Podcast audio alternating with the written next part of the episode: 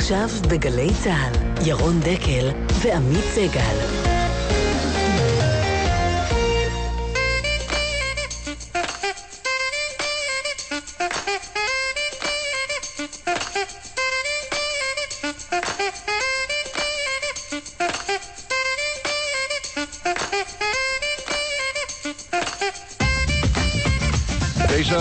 תשע וכמעט חמש דקות. אה, שלום, עמית. בוקר טוב, ירון. מה נשמע? אין תלונות. בסדר, עבר החג בשלום? בהחלט. נהדר. עוד שלושה לפנינו? אה, עוד שלושה, נכון, כולל אה, סוכות ראשון, סוכות שני. ואחרי כן, אה, לאחר החגים. היום 13 בספטמבר למניינם. לפני 25 שנה נפגשו יצחק רבין ויאסר ערפאת לראשונה על מדשאת הבית הלבן. השר היחיד שהיה בממשלה שאישרה את אוסלו. באותו תפקיד. וחבר גם היום בממשלת ישראל, הוא אריה דרעי. נכון. יושב ראש ש"ס, עוד מעט אה, יחלוק איתנו השר דרעי את אה, מחשבותיו רבע מאה אחרי אוסלו. כן, דרעי היה תפקיד מפתח מאוד. באותם אה, ימים פוליטיים סוערים, ונשאל על, על כך בהרחבה. איריס שטארק הייתה עד אתמול חברת הוועדה למינויים בכירים. אתמול היא עזבה. יהיו שיגידו הבינה את הרמז העבה מבג"ץ, יהיו שיגידו עזבה מסיבותיה שלה. כך או כך נסללה הדרך למינוי מפכ"ל ורמטכ"ל, ואיריס שטארק תהיה איתנו כדי... אה, בריאיון ראשון. בריאיון ראשון. כן. נכון. עוד ריאיון ראשון. הממשלה אישרה אתמול, אה, אחרי לא מעט מהמורות ועיכובים, את מינויו של הפרופסור דניאל הרשקוביץ לנציב שירות המדינה. פרופסור הרשקוביץ, לשעבר שר, נשיא אוניברסיטת בר אילן, יענה לנו לשאלה למה הוא צריך את זה, ואיך ינהג בוועדה למינויים בכירים שבה הוא חבר, כאשר תעלה שאלת מינויו של המפכ"ל הבא. נכון. גילה כותבת בקבוצת הוואטסאפ שנקראת נעצור את כניסת חב"ד לצהלה. שלחתי למתווכים ואני מציע שכל אחד מכם יעשה זאת עם המתווכים שהוא מכיר.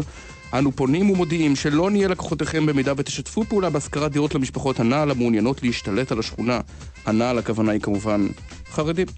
עוד מעט uh, נדבר עם uh, תומכים ומתנגדים לגזענות הדוחה הזאת. כן. אנחנו נדבר על זה כאן uh, בהרחבה, וחוץ מזה כמובן הפינות הקבועות, שיחה בהפתעה שאיננו יודעים מי יעלה לשיעור ברבע לעשר, ואדם מן היישוב, היום בחרנו בחזן. מירושלים, שישוחח איתנו. מצחצח את, כל, מצחצח את קולו לקראת... אה, אלירן כהן שמו. יום הכיפורים. יש אה, אפשרות לשלוח תגובות בוואטסאפ. אך ורק וואטסאפ. לא שיחות, לא פייסטיים. לא הודעות רגילות, לא רק וואטסאפ. אין מילה אגב בעברית עדיין לא וואטסאפ, נכון. וכנראה גם לא תהיה. 052 921 0021 וואטסאפים, אלינו, עכשיו, בשעתיים הקרובות. 052-921-0021 דקל סגל. אה, ותכתבו את השם שלכם, שנדע מי כן, כתב. כן, שם בבקשה, אנחנו מבקשים. אה, עד 11, דקל סגל. נתחיל.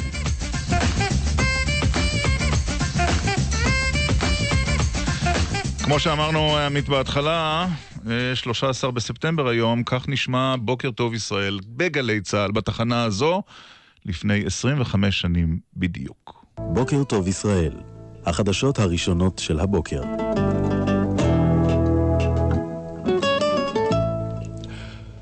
בוקר טוב ישראל, באולפן ניתאי אנגל.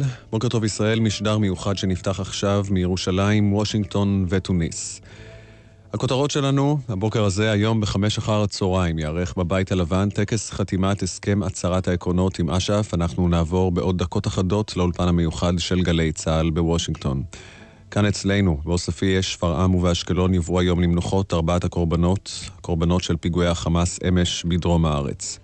גורמים פלסטינים בשטחים מעריכים הבוקר כי ארגון החמאס הוא שעומד מאחורי הפיגוע הזה, בניסיון לטרפד את חתימת הסכם השלום עם אש"ף בוושינגטון. עם כל הכאב, אין מנוס אלא לנשוך שפתיים ולהילחם נגד אלה שרוצים לפגוע בהסכם. את הדברים האלה אומר ראש הממשלה יצחק רבין אתמול כששמע על הפיגועים בתחנת ביניים בדרכו לארצות הברית. אבל אני חייב לבוא ולומר פה, עם כל הכאב, שמחר תהיינה ארבע לוויות בישראל, ואני אעמוד שם במדשאת הבית הלבן. אבל אני אומר לעצמי עם כל הכאב, הרצח, ההרג, הניסיון לפגוע, בוצע על ידי אלה שרוצים לשבש את הסיכוי לשינוי כפי שיבוא לידי ביטוי בחתימה מחר ובטקס מחר. בוקר טוב לחבר ממשלת רבין 93, חבר ממשלת נתניהו 2018, השר אריה דרעי. בוקר טוב, שנה טובה וגמר חתימה טובה. מתי לראשונה וממי שמעת על כך שישראל מדברת עם ערפאת? ארבע שעות, בערך חמש שעות לפני ישיבת הממשלה בספטמבר 93, שהממשלה התכנסה בלילה לאשר את ההסכם. ממי? אה, ממזכירות הממשלה שהודיעה לשרים שיש אה, הסכם באנגלית, לא תורגם לעברית, מי שרוצה שיבוא למזכירות הממשלה, ושם מי שמבין אנגלית מבין אנגלית, ומי שלא מבין יהיה מישהו שיעזור לו לתרגם את ההסכם. ואיך היה הידע שלך באנגלית. באותה תקופה? גם כמו היום. אוקיי. איך הגבת אה, כששמעת? בהלם מוחלט, כיוון שעם כל הכבוד, אתה מבין, חבר קבינט, אה, ראש מפלגה, שותף בממשלה, אה, די בידידות, אני חושב, בלשון המעטה, כן? עם ראש הממשלה יצחק רבין. אה, גם צריך לזכור עוד דבר אחד, באמת שקשה ככה כשאנחנו מדברים היום, אבל צריך לזכור את ההקשר של אותו יום בשבילי, אישי, כן? וגם בשביל רבין. כן. באותו יום לפני הצהריים היה דיון בבית משפט העליון בהרכב של חמישה שופטים, כיוון שהגישו נגדי כתב אישום, אף על פי שעל פי החוק אז היה אפשר להמשיך להיות שר עד שיהיה פסק דין מוחלט, חלוט, אה, הגישו עתירה והיועץ המשפטי ופרקליטת המדינה דורית בניש דאז החליטו לא להגן עליי ורבין לקח עורך דין פרטי וכדי להגן עליו שאני יכול להמשיך לכהן כשר ובית המשפט באותו יום אה. הורה, אמר ש... שאני יכול להמשיך לכהן כשר. יכול להמשיך. אבל רבין, כן. אבל רבין, דקה, אבל רבין, ראש הממשלה, צריך לפטר אותי. אה, זאת אומרת, אתה אין לך בעיה, אבל הוא חייב להגיש לך מכתב פיטורים. זה מה שנקרא הלכת אה, פנחסי. ודרעי. דרעי, כן. תכף נחזור לזה, אבל... אוקיי. דקה, דקה, דקה, דקה. ואז אני החלטתי באותו יום, אחרי שקיבלתי את זה, החלטתי, רבין עוד רצה לפעול, לנסות, אני החלטתי באותו יום, אחרי שהתייעצתי וקיבלתי את הסכמתו של מרן, אה, הרב עובדיה יוסף זצ"ל, להגיש מכתב התפטרות. אני חשבתי שישיבת הממשלה תהיה... בעוד, אה, זה היה ביום שלישי, חשבתי שתהיה ביום ראשון, אבל אז הודיעו לנו על ישיבת ממשלה בערב, כדי שתספיק עוד ואז- להשתתף. ואז הגשתי, הגשתי אה, את המכתב התפטרות שלי מהממשלה באותו לילה, באותו ישיבה של ה- שאישרו בה את הסכם אוסלו. זאת אומרת, אתה יושב בישיבה, וכעבור שעות אתה- העובדות. אתה- אתה כבר לא שר בממשלה. נכון, ואני בממשלה בכל זאת השתתפתי. צריך לזכור, הרכב הממשלה דאז היה מפלגת העבודה ומרצ. כן. ואתם, אה, וש"ס. אה, אה, וש"ס, ואני הייתי השר היחידי מש"ס, ולנו רק שר אחד וסגן שר. וכל השרים אה, כמובן אה, תמכו. חוץ ממך. לא, חוץ משניים. גם פרופסור שמעון שטרית נמנע נכון. אז בהצבעה, וגם אתה. תחזור אותנו, אריה דרעי, ברשותך, להתלבטות אה, שלפני ההצבעה. שתף אותנו במה שעבר אליכם אז. אני יושב בממשלה ואני שומע לראשונה, קודם כל לפני זה קיימתי ישיבת סיעה אצלי בלשכה במשרד הפנים והודעתי לחברים שאני מתכונן להתפטר, היו אז חלק לא נמצאים בחיים, הרב עזרן, זיכרונו לברכה, חלקם בחיים, הרב מאיה, הרב פנחסי ואחרים, ואמרתי להם גם את דעתי החד משמעית, לפי מה שאני הספקתי לשמוע, להבין, שאנחנו לא נוכל לתמוך את ה... בהסכם הזה, ועכשיו אני אפרט, כשהגענו לממשלה... אה, רגע, רגע, רגע. ישבתי- רגע, חשבת שלא תוכל לתמוך, אבל צריך להזכיר, ש"ס היא דקה. באותה... אוקיי, אוקיי. עמית, עמית, עמית, אני מבין שעל זה גדלת, ואני עכשיו הולך, אני הולך להרוס לך קצת אה, את הדברים, אבל היות ואני מכיר אותך כבחור הגון, אתה גם תגיד בסוף. לא, אנחנו גם רוצים לשמוע מה שיש לך לספר על אז. דקה, זה לא רק קשור להגינות. כן. דקה, דקה, אז אני אספר עכשיו את כל העובדות כפי שהן בניחותא, אנחנו אחרי 25 שנה. יש זמן. הטעות הגדולה ביותר שלי, הטעות הגדולה ביותר שלי, שלא, שלא מיד בהתחלה הפרחתי את כל, כשהתחילו להפיץ עליי את העלילות הללו אחרי כמה שנים, ואני לא הלכתי בגלל שרציתי לשמור על כבודו של הרב או לשמור על כבודה של תנועת ש"ס, אבל אתה יודע, שקר שחוזרים עליו אלף פעמים, בסוף הופך להיות אמת, ועכשיו אני צריך, המוציא מחברו עליו הראייה, אני צריך עכשיו להוכיח את האמת, אבל אני אוכיח אותה עכשיו. בבקשה, בוא תוכיח. היינו אבל בקטע למה נמנעתם. כן, דקה, דקה, דקה. הגיע דיון בממשלה, הציגו את ההסכם, אני ישב על ידי אהוד ברק, הרמטכ"ל דאז, כן? כן. ואני, אחרי שיחה איתו, ואחרי שהבנתי שגם הוא לא היה שותף להסדר, וגם הוא אמר לי את הבעיות הקשות שהוא רואה בהם מבחינה ביטחונית בהסדר. צריך להבין, אה, אני גדלתי, ואני למעשה הייתי שליח של מרן הרב עובדיה יוסף, שהוא משנות ה-70, כשאני עוד הייתי בילד בפורת יוסף או בישיבת חברון, פסק ששטחים תמורת שלום, שטחים עדיפים על אה, קדושת האדם, עדיף על קדושת האדמה, הפסק ידוע. נכון. על סיני, אסמך ואוקיי. עכשיו, אני באתי אה, בישיבה, אה, לא התייעצתי עדיין אז עם הרב, כיוון שהנתונים שהוצגו אז בישיבת הממשלה בלילה, ודיברתי שם, אמרתי רבותיי, תראו, אנחנו לא ימין ולא שמאל.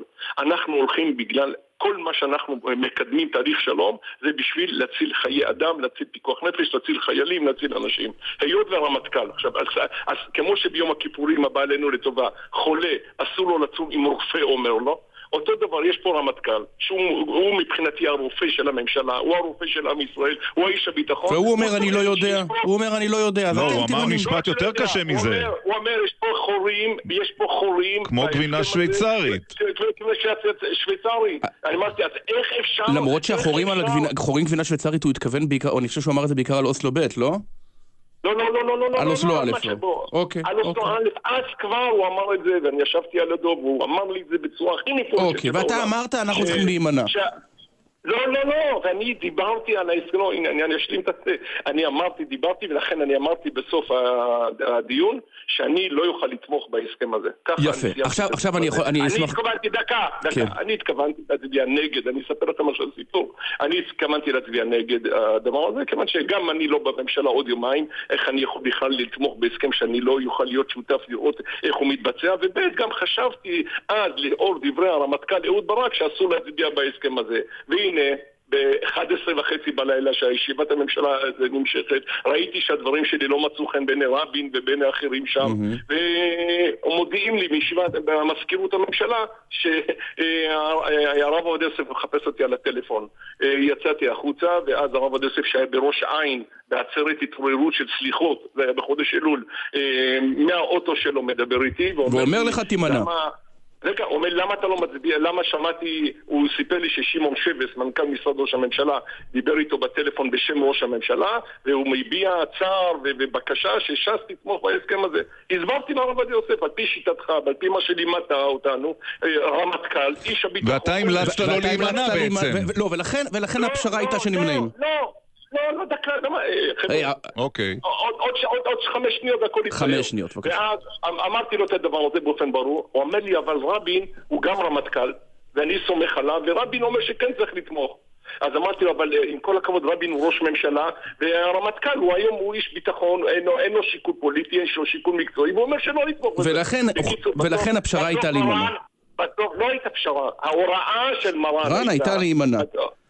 אומר לי, שב ואל תעשה ותימנע בהסכם הזה. יפה, עכשיו אבל צריך להזכיר, ש"ס, ש"ס. הרב, כן. קיבלתי עליי את ציווי הרב ונמנעתי בהסכם הזה, בהסכם אוסלו א'. נכון, כן? ובהסכם אני אוסלו ב' כבר התנגדתם, נגיע לאוסלו ב' עוד מעט. עכשיו תן לנו רגע לשאול גם שאלות, אה, אתה יודע, כי- הרב כי דרעי. שומעים שהנושא טעון... אה, עדיין אחרי 25 שנה. נכון. עכשיו תראה, ש"ס היא באותם ימים וגם היום אחת המפלגות שציבור בוחריה הוא הכי ימני, הכי לאומי שיש. עצם הישיבה בממשלת רבין כבר הייתה דרמה די גדולה. כמו שאמרת, ממשלת אה, עבודה מרץ. אה, אלוני, שולמית אלוני, שרת החינוך. שולמית אלוני, יוסי שריד. אה, אם, אם מה שאתה אומר זה נכון, ואתם הייתם כל הזמן נגד, תסביר לי למה רבין כל כך רותח כשבג"ץ אומר לו, נא לפטר את אריה דרעי. אם אתה כזה איש ימין נגד אוסלו, הוא היה צריך לפטר אותך ב- ב- בשמחה. אה, איזה איש שבאמת, לא מתאים לך לשאול שאלה כזו, זה לא... רבין, באמת רצה, רבין אמר כל הזמן, אין סיכוי לעשות שלום עם האויבים שלנו אם אין שלום בתוך העם. זו הייתה התפיסה שלו. והוא חשב שהוא יצליח לחבר בין הקצוות הללו של האוכלוסייה החילונית לגמרי לבין ש"ס, אוכלוסייה ספרדית בפריפריה. הוא ניסה לעשות באמת ניסיון אמיתי שנה, ועם מישהו- שזוכר איך הוא העביר את החוק נגד בית המשפט בנושא של בשר כשר, ואיך הוא שמר על הסטטוס קוו, ואיך הוא שמר על חוק הגיוס, הכל. אבל בסוף, בגלל, אבל בסוף, בגלל הוראת בית המשפט, אני, איך קוראים לזה, הוא נאלץ לי, כאילו, ל- לפ... שאני אפטר או שהוא יפטר אותי. הוא באמת רצה את הדבר הזה בכל ליבו. אה, עכשיו, שתבין, אני לא איש ימין ואני לא איש שמאל, אני מסביר לך את זה כל הזמן. אנחנו פועלים על פי הלכה ועל פי גם היום. לנו, גם היום, מה שמורים לנו גדולי ישראל אנחנו עושים. וכשיש סיכוי להציל נפשות, אנחנו מצילים נפשות, וכשההפך, כשאני שלום מדבר... טוב, אתם כבר הרבה שנים לא שייכים לאופציה להרכבה של ממשלה של היום מועמד לא שאיננו תקום ממשלת מהליכוד. רבין, לא- אה, לא- עבודה לא מרצ. תקום לא ממשלת ש"ס. לפיד איתכם ולא ממשלת גבאי איתכם. אבל בוא נחזור רגע, ברשותך, השר דרעי. בגלל, בגלל, סליחה, בגלל, בגלל, זה כל אחד יודע שלצערנו הרב, כשממשל, כשמפלגות שהקו ההצהרתי שלהם נגד הסטטוס קוו, בפגיעה בשבת, בפגיעה בגיור, בפגיעה בחוק הגיוס, איך אפשר להיות שותפים איתם יחד? אוקיי, בוא נחזור אבל רגע 25 שנים לאחור. במבחן התוצאה, מה אתה חושב היום על ההצבעה שלך אז? אני, שתבינו, היה, אה, אה, התוצאה של ההצבעה שלנו, אנחנו לא תמכנו בהסכם אוסלו, אנחנו לא היינו שותפים לא, אבל בוא. נגיד, לא, אבל אתה- לא היה... אתה- אתה- אתה חושב שנהגת בוא, נכון, אתה- לא, אתה חושב בוא- בראייה של 25 שנים אני- אחורה שעשית טעות, מה דעתך על זה? ודאי, ודאי, ש, ודאי שכשאני שומע ל- ל- ל- לדעת של אה, נשיא מועצת חכמי התורה, שאני שליח שלו, והוא שולח אותי, יש לך ספק שאני ב- ב- עשיתי מה שהייתי צריך לעשות? אוקיי, אז בוא לא- נשמע... אני לא אדם, אני, אני לא אדם חופשי לעצמי להחליט מה אני או, מצביע ומה אני חושב. אז זאת אולי הנקודה הכי חשובה, כי אנחנו זוכרים את אותם ימים, הצעירים אולי אה, זוכרים פחות. איזה כיף להגיד את המשפט הזה סוף סוף. אבל... חיכית אבל, לזה כל הרעיון. הש... 25 שנה חיכיתי. אבל אנחנו זוכרים את אותן הפגנות סוערות של מתנחלים מתחת לבית של הרב עובדיה יוסף, כולל עימותים אלימים, והיום דבר שהוא כמעט בלתי נתפס בין כיפות מתנחלים לתומכי שחורות. ש"ס. והרב עובדיה, בקלטת המפורסמת שמצולמת ב-2008, נותן אומר גרסה אחרת על דברים האירועים. אחרים ממה שאמרת בוא- לנו. בוא בוא נשמע. נשמע אותו. כשהיה את כל ההסכמים של אוסלו, מי זה הוביל את המהלכים בעיקר?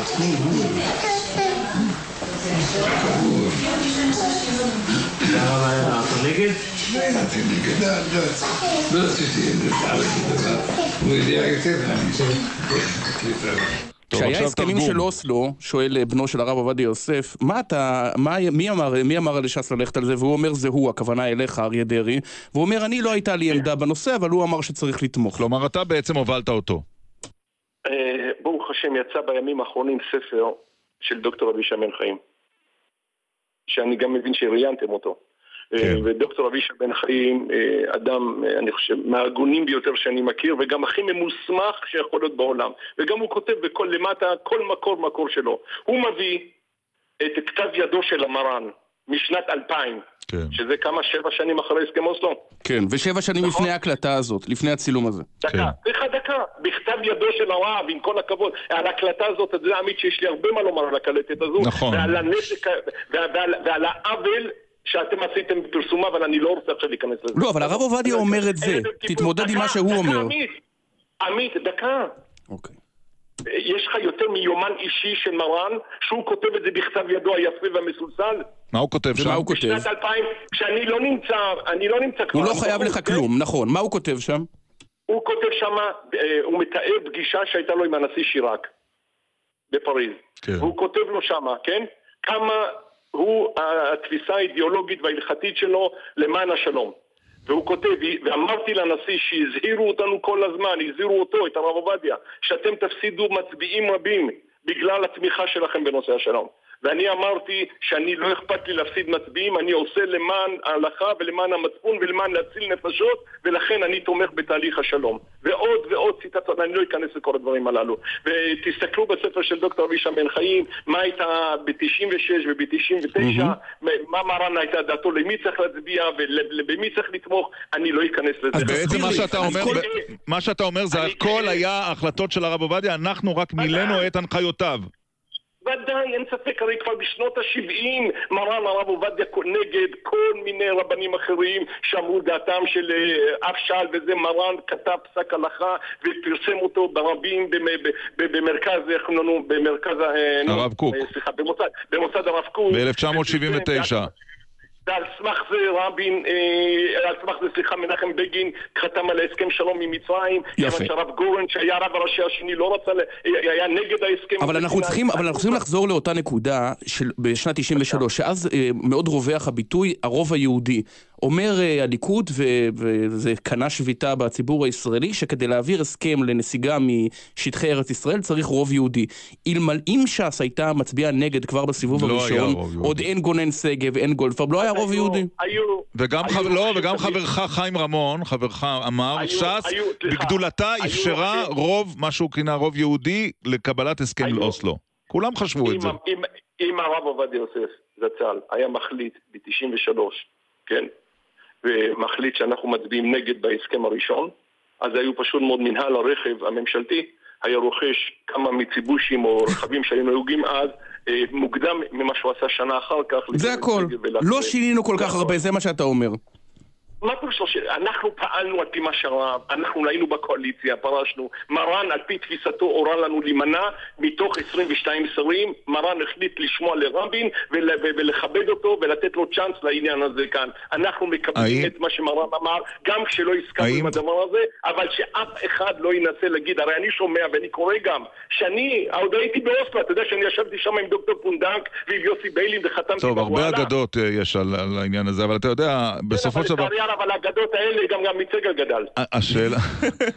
אבל אתה יודע שבזמן אמת האלה לא היו אגדות, אז השאלה היא... השאלה אם אתה שילמת... זאת אומרת, אתה אומר לנו, אריה דרעי, אני שילמתי 25 שנה, ואולי ממשיך לשלם עד היום, מחיר לא עוול בכפי. פשוט כי אני גוננתי על מורשתו של הרב עובדיה יוסף. אמת או לא אמת? אה, אני שילמתי מחיר כבד מאוד, אני מקבל את זה באהבה, הכל מהשמיים, בגלל אנשים מתוכנו, ובעיקר אנשים מחוץ שרצו לעשות דמוניזציה לש"ס, אחרי שש"ס קיבלה 17 מנדטים. וש"ס צמחה וגדלה, רצו לחסל את התנועה הזאת, ולכן הבינו שהדרך הטובה ביותר לחסל את התנועה הזאת זה לעשות דמוניזציה ולהפריד ביני לבין הרב עובדיה יוסף, ולהגיד mm-hmm. שאני תמכתי בהסכם אוסלו, ואני עשיתי את הסכם אוסלו, וככה הם... אז איך בקלטת הוא אומר אחרת? אני מבין את היומני, מקבל לגמרי, זו ראייה חזקה, אבל למה ב-2008 הוא אומר אחרת? אני, אה, אני מציע, אני... הוליכו אותו באף? סליחה, אנחנו בערב כיפור. נו. אחרי ראש השנה. ואני מאוד מאוד מאוד מאוד מאוד בתקופה הזאת, אנחנו צריכים לעשות הכל, הכל, הכל. כן, אבל בכל זאת, נו. עזוב, אני לא יכול, בוא, אני... מה, אתה לא תענה לנו? אתה יודע שזה מוגלה עדיין גדולה מאוד בשבילי הקלטת הזאת שפרסמת את המצגת. כן, אבל ההקלטה, לא-, לא ערכנו את ההקלטה על אוסלו. ובעיקר על הפרשניות שנתת לה. אבל עזוב אותי, אבל רגע, אבל רגע, שנייה, שנייה. אבל אני לא אכנס לזה אבל השר לא דרעי, בוא נעזור רגע את עמית בצד. הרב עובדיה המנוח, הרב עובדיה המנוח מדבר בקלטת ורואים אותו. המנוח כתב, הרב עובדיה המנוח כתב ביומן שלו, הרב עובדיה המנוח, יעלה על דעתכם שמ-93, רבותיי, עד 2008, באמת, אז לא הבנתי, אז מה קרה לא ב-2008 שהוא אומר הפוך? מה קרה? אני לא יודע, אני לא יודע מה יקרה, הרי הקלטת הזאת מעובדת, הקלטת הזאת אה, אה, אה, עבדה, עברה המון טיפולים, עם כל הכבוד, ואני לא יודע את הסיטואציה. אז מישהו זייף את דבריו, אתה אומר. חד משמעית, ודאי יש לך ספק בעניין. זויף. איך התחילה הקלטת? אוקיי. סליחה, איך התחילה הקלטת הזאת? הקלטת הזו התחילה בזה שהקריאו לרב, החזיקו ביד כתבה של אבישי בן חיים, שכותב שם שלוחצים עליי להקים מפלגה לבד, ואני אומר בשום אופן שבעולם אני לא אקים מפלגה כדי לא לפגוע במרן, ומקריאים לרב את הכתבה ואומרים לו הרב, הנה יש פה כתבה של אבישי בן חיים, חבר של דרעי, שהוא הולך להקים מפלגה. אריה דרעי, הסכם אוסלו היה טעות? אני חושב שכן.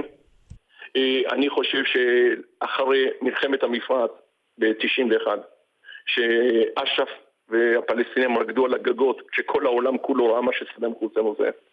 אה, לא היה, לא היה מצב יותר גרוע מבחינה מדינית ופוליטית של אש"ף, הוא, הוא היה מנודה בכל העולם, וללכת להקים אותו מתחייתו אה, ולהחזיר אותו בחזרה בצורה כזו, היה אפשר לעשות דברים הרבה יותר אחרת. אה, ולפי דעתי זו הייתה טעות. כל קבלת ההחלטות שם, כל הצורה שזה נעשה מאחורי הגב של כולם, לא התקיים דיון רציני בעניין, ולצערי הרב גם אנשי הביטחון לא היו שותפים בהסכם הזה. ואתה אה, שמכיר את רבין כל כך טוב, והיית באמת בעצם השר הכי מקורב אליו, כולל שרי העבודה, אתה יכול להסביר מה גורם ליצחק רבין בשנת 1993 ללחוץ את ידו של יאסר ערפאת? לא, לא. אין לי הסבר לזה. לי הסבר לזה, אה, אני לא יודע להסביר מה הלחץ שהפעילו עליו. אני יודע את הדעות של רבין בשיחות האישיות שלי לפני הסכם אוסלו. אה, על מה היה מוכן לוותר ועל מה לא היה מוכן לוותר. זה רחוק, רחוק, רחוק מהעמדות שהיום של המחנה הציוני או של מפלגת העבודה. זה לא העמדות שלו. ואני לא מבין מה קרה שם, אני לא מבין, הרי גם הוא העמיד אותו בפני עובדה, מי לא דיברת איתו על זה אף פעם בשנתיים שבהם היית בקשר אה, מאז עד הרצח הנורא? אני חייב לומר שאחרי שפרשנו מהקואליציה, אה, ואחרי שפרשתי מהממשלה מיד אה, אחרי אותה ישיבת ממשלה, הקשר בינינו היה, זה לא היה אותו קשר שהיה, כמובן באופן טבעי אנחנו לא נפגשים, לא, אנחנו גם לא שותפים בקואליציה, אז קשר של ידידות, שלום שלום, אבל לא מעבר לכך. עד כדי כך. Mm. מעניין. הוא לא אהב את ההחלטה שלנו, כמובן שהוא לא אהב את ההחלטות שלנו. כן. תגיד, אה, הם- ו- והיום כל, כל האירועים האלה שלפני רבע מאה נראים היום כמו הזיה, ממשלה של אה, מרץ ושל ש"ס, 56 מנדטים אה, לשמאל אה, נטו, שיתוף פעולה הדוק בין ראש ממשלה. אתה, זה, זה יהיה נכון להגיד שראש הממשלה שאתה הכי אהבת לעבוד איתו היה רבין? לא, אה, מה פשוט, היה קשר... מה, עמית, אתה רוצה שהוא עכשיו יאמר את זה נגד נתניהו? לא, לא. נגד, רק בעד. דקה, דקה, דקה, דקה, דקה, דקה, דקה. אני חייב להפתיע אתכם. הרי תזכרו שראש הממשלה יצחק שמיר, זכרו לברכה, היה גם שר הפנים שלי במשך שנתיים כשהייתי מנכ"ל משרד הפנים. כן. ואחר כך הייתי שר בממשלה שלו אה, שנתיים, כן? אני חייב לומר לך שש... ששמיר אה, כראש ממשלה, אני מדבר נטו, נתן לעבוד לשרים ונתן גיבוי ואחריות בצורה יוצאת מן הכלל, אז- מבחינת האנשים שהיו סביבו ועבודת המטה שהייתה וראש... אז הוא ראש אה, הממשלה שהכי אהבת לעבוד יחד איתו בשיתוף פעולה. הייתה תקופה, בוא, זו התקופה הכי הרבה שעבדתי איתו ביחד, הייתי שנתיים מנכ"ל שלו, והייתי שנתיים שר אצלו, אצל רבין הייתי סך הכל שנה אחת שר בממשלה, ו...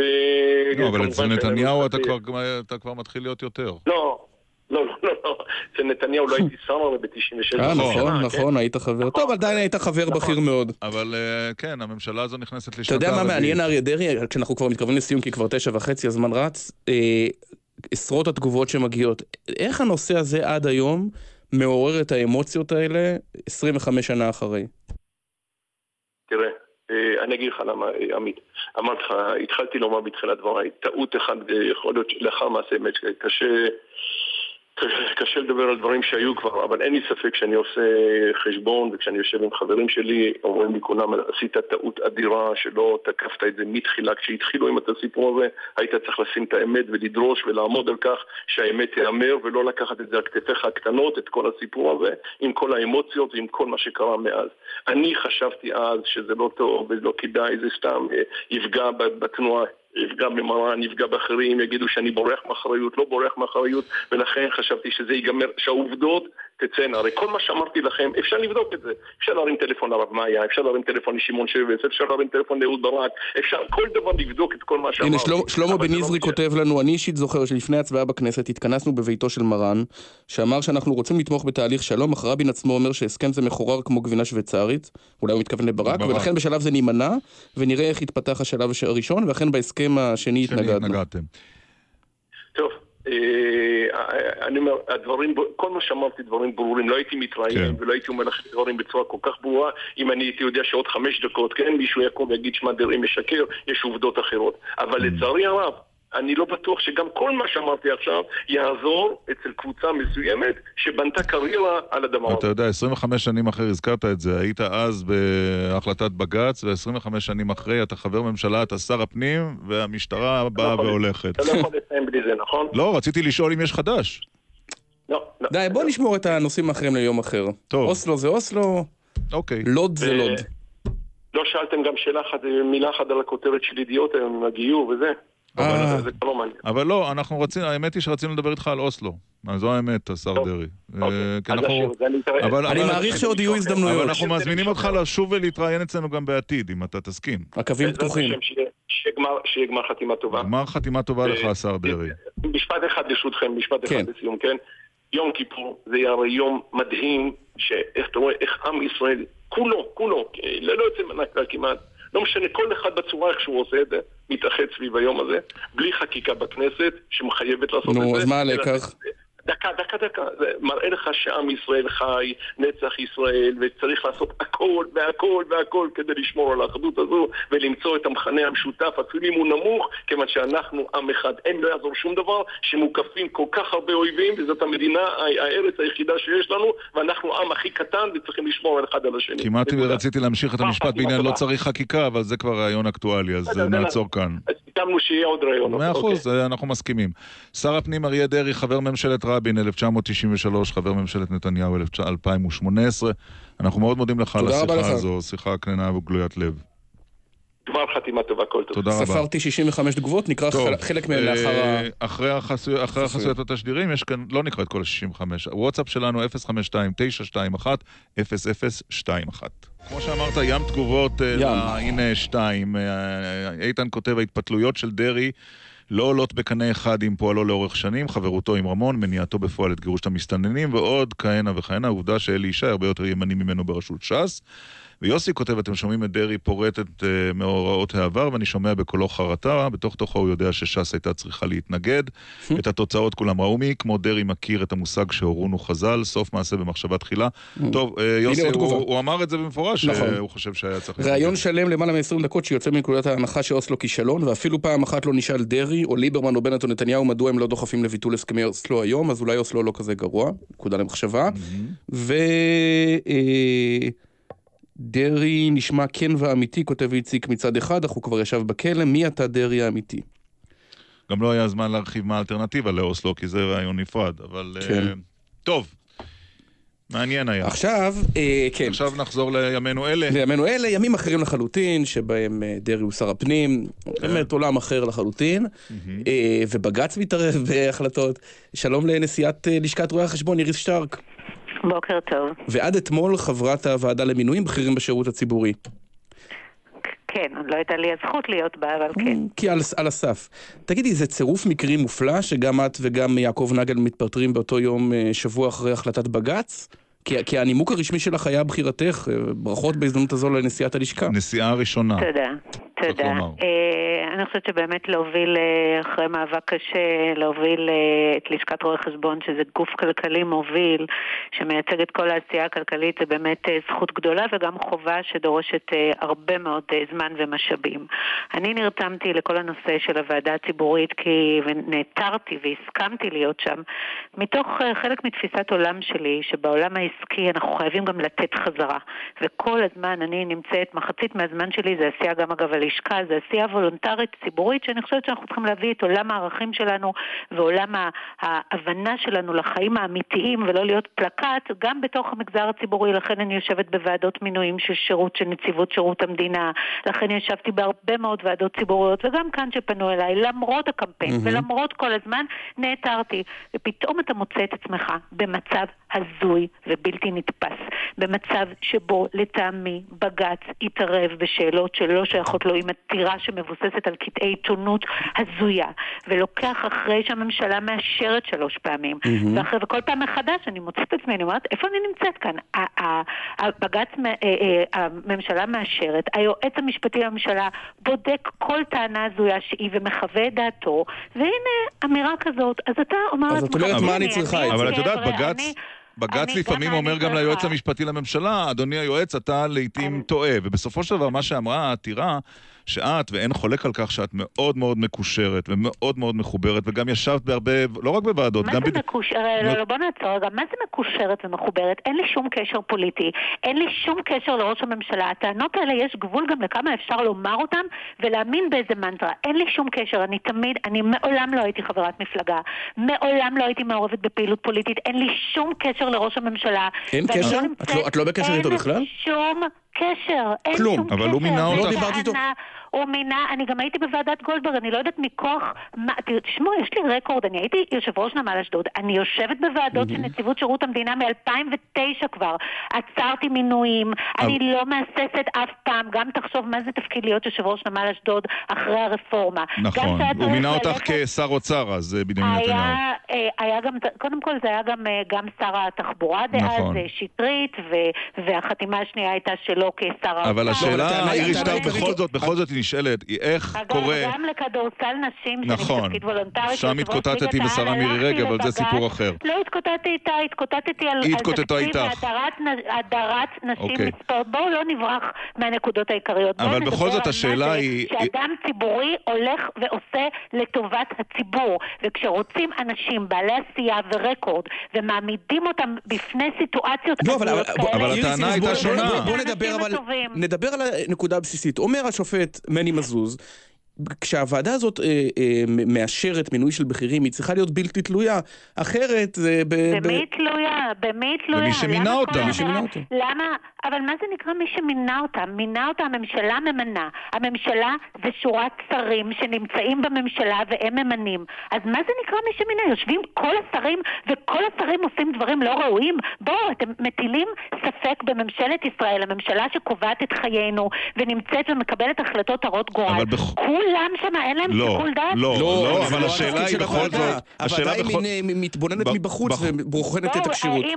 השאלה, האם רוצים שבג"ץ ינהל את המדינה, או רוצים שממשלת ישראל, שנבחרה על ידי הציבור, תנהל את המדינה פה, ולא שכל מי שיגיש איזו עתירה ויתבסס על אוויר ועל קטעי עיתונות, יבוא, אבל- וזאת עתירה שעוזרת אבל את זה המדינה. לא רק אוויר וקטעי עיתונות.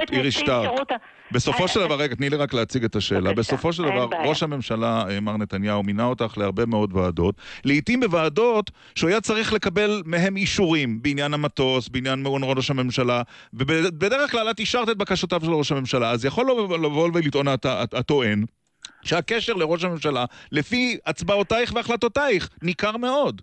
לא רק ראש הממשלה מינה אותי להרבה מאוד גופים. ישב איתי השופט גולדברג, שגם הוא כנראה מונה על ידי ראש הממשלה, אז גם הוא לא קשר להחלטות? מה השוני בין השופט גולדברג לביני אני אגיד לך מה השינוי. שמוננו? ואז ישב גם נחושתן בוועדה. אני חושבת שהעבודה שנעשתה, זה לא לגבי בית ראש הממשלה, מתחם ראש הממשלה בכל הארץ. שהוא גם המשרד, לגבי המטוס, שברור שראש הממשלה, זה, זה לא יחול לגבי ראש הממשלה. כן, אבל הוא מבקש ואת מאשרת.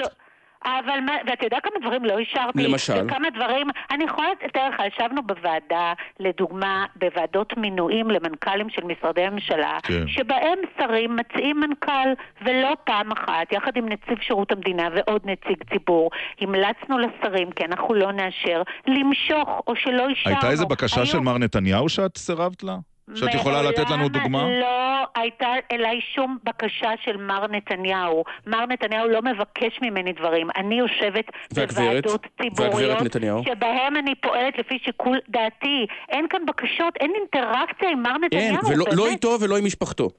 כלום. לא איתו ולא עם משפחתו, אוקיי.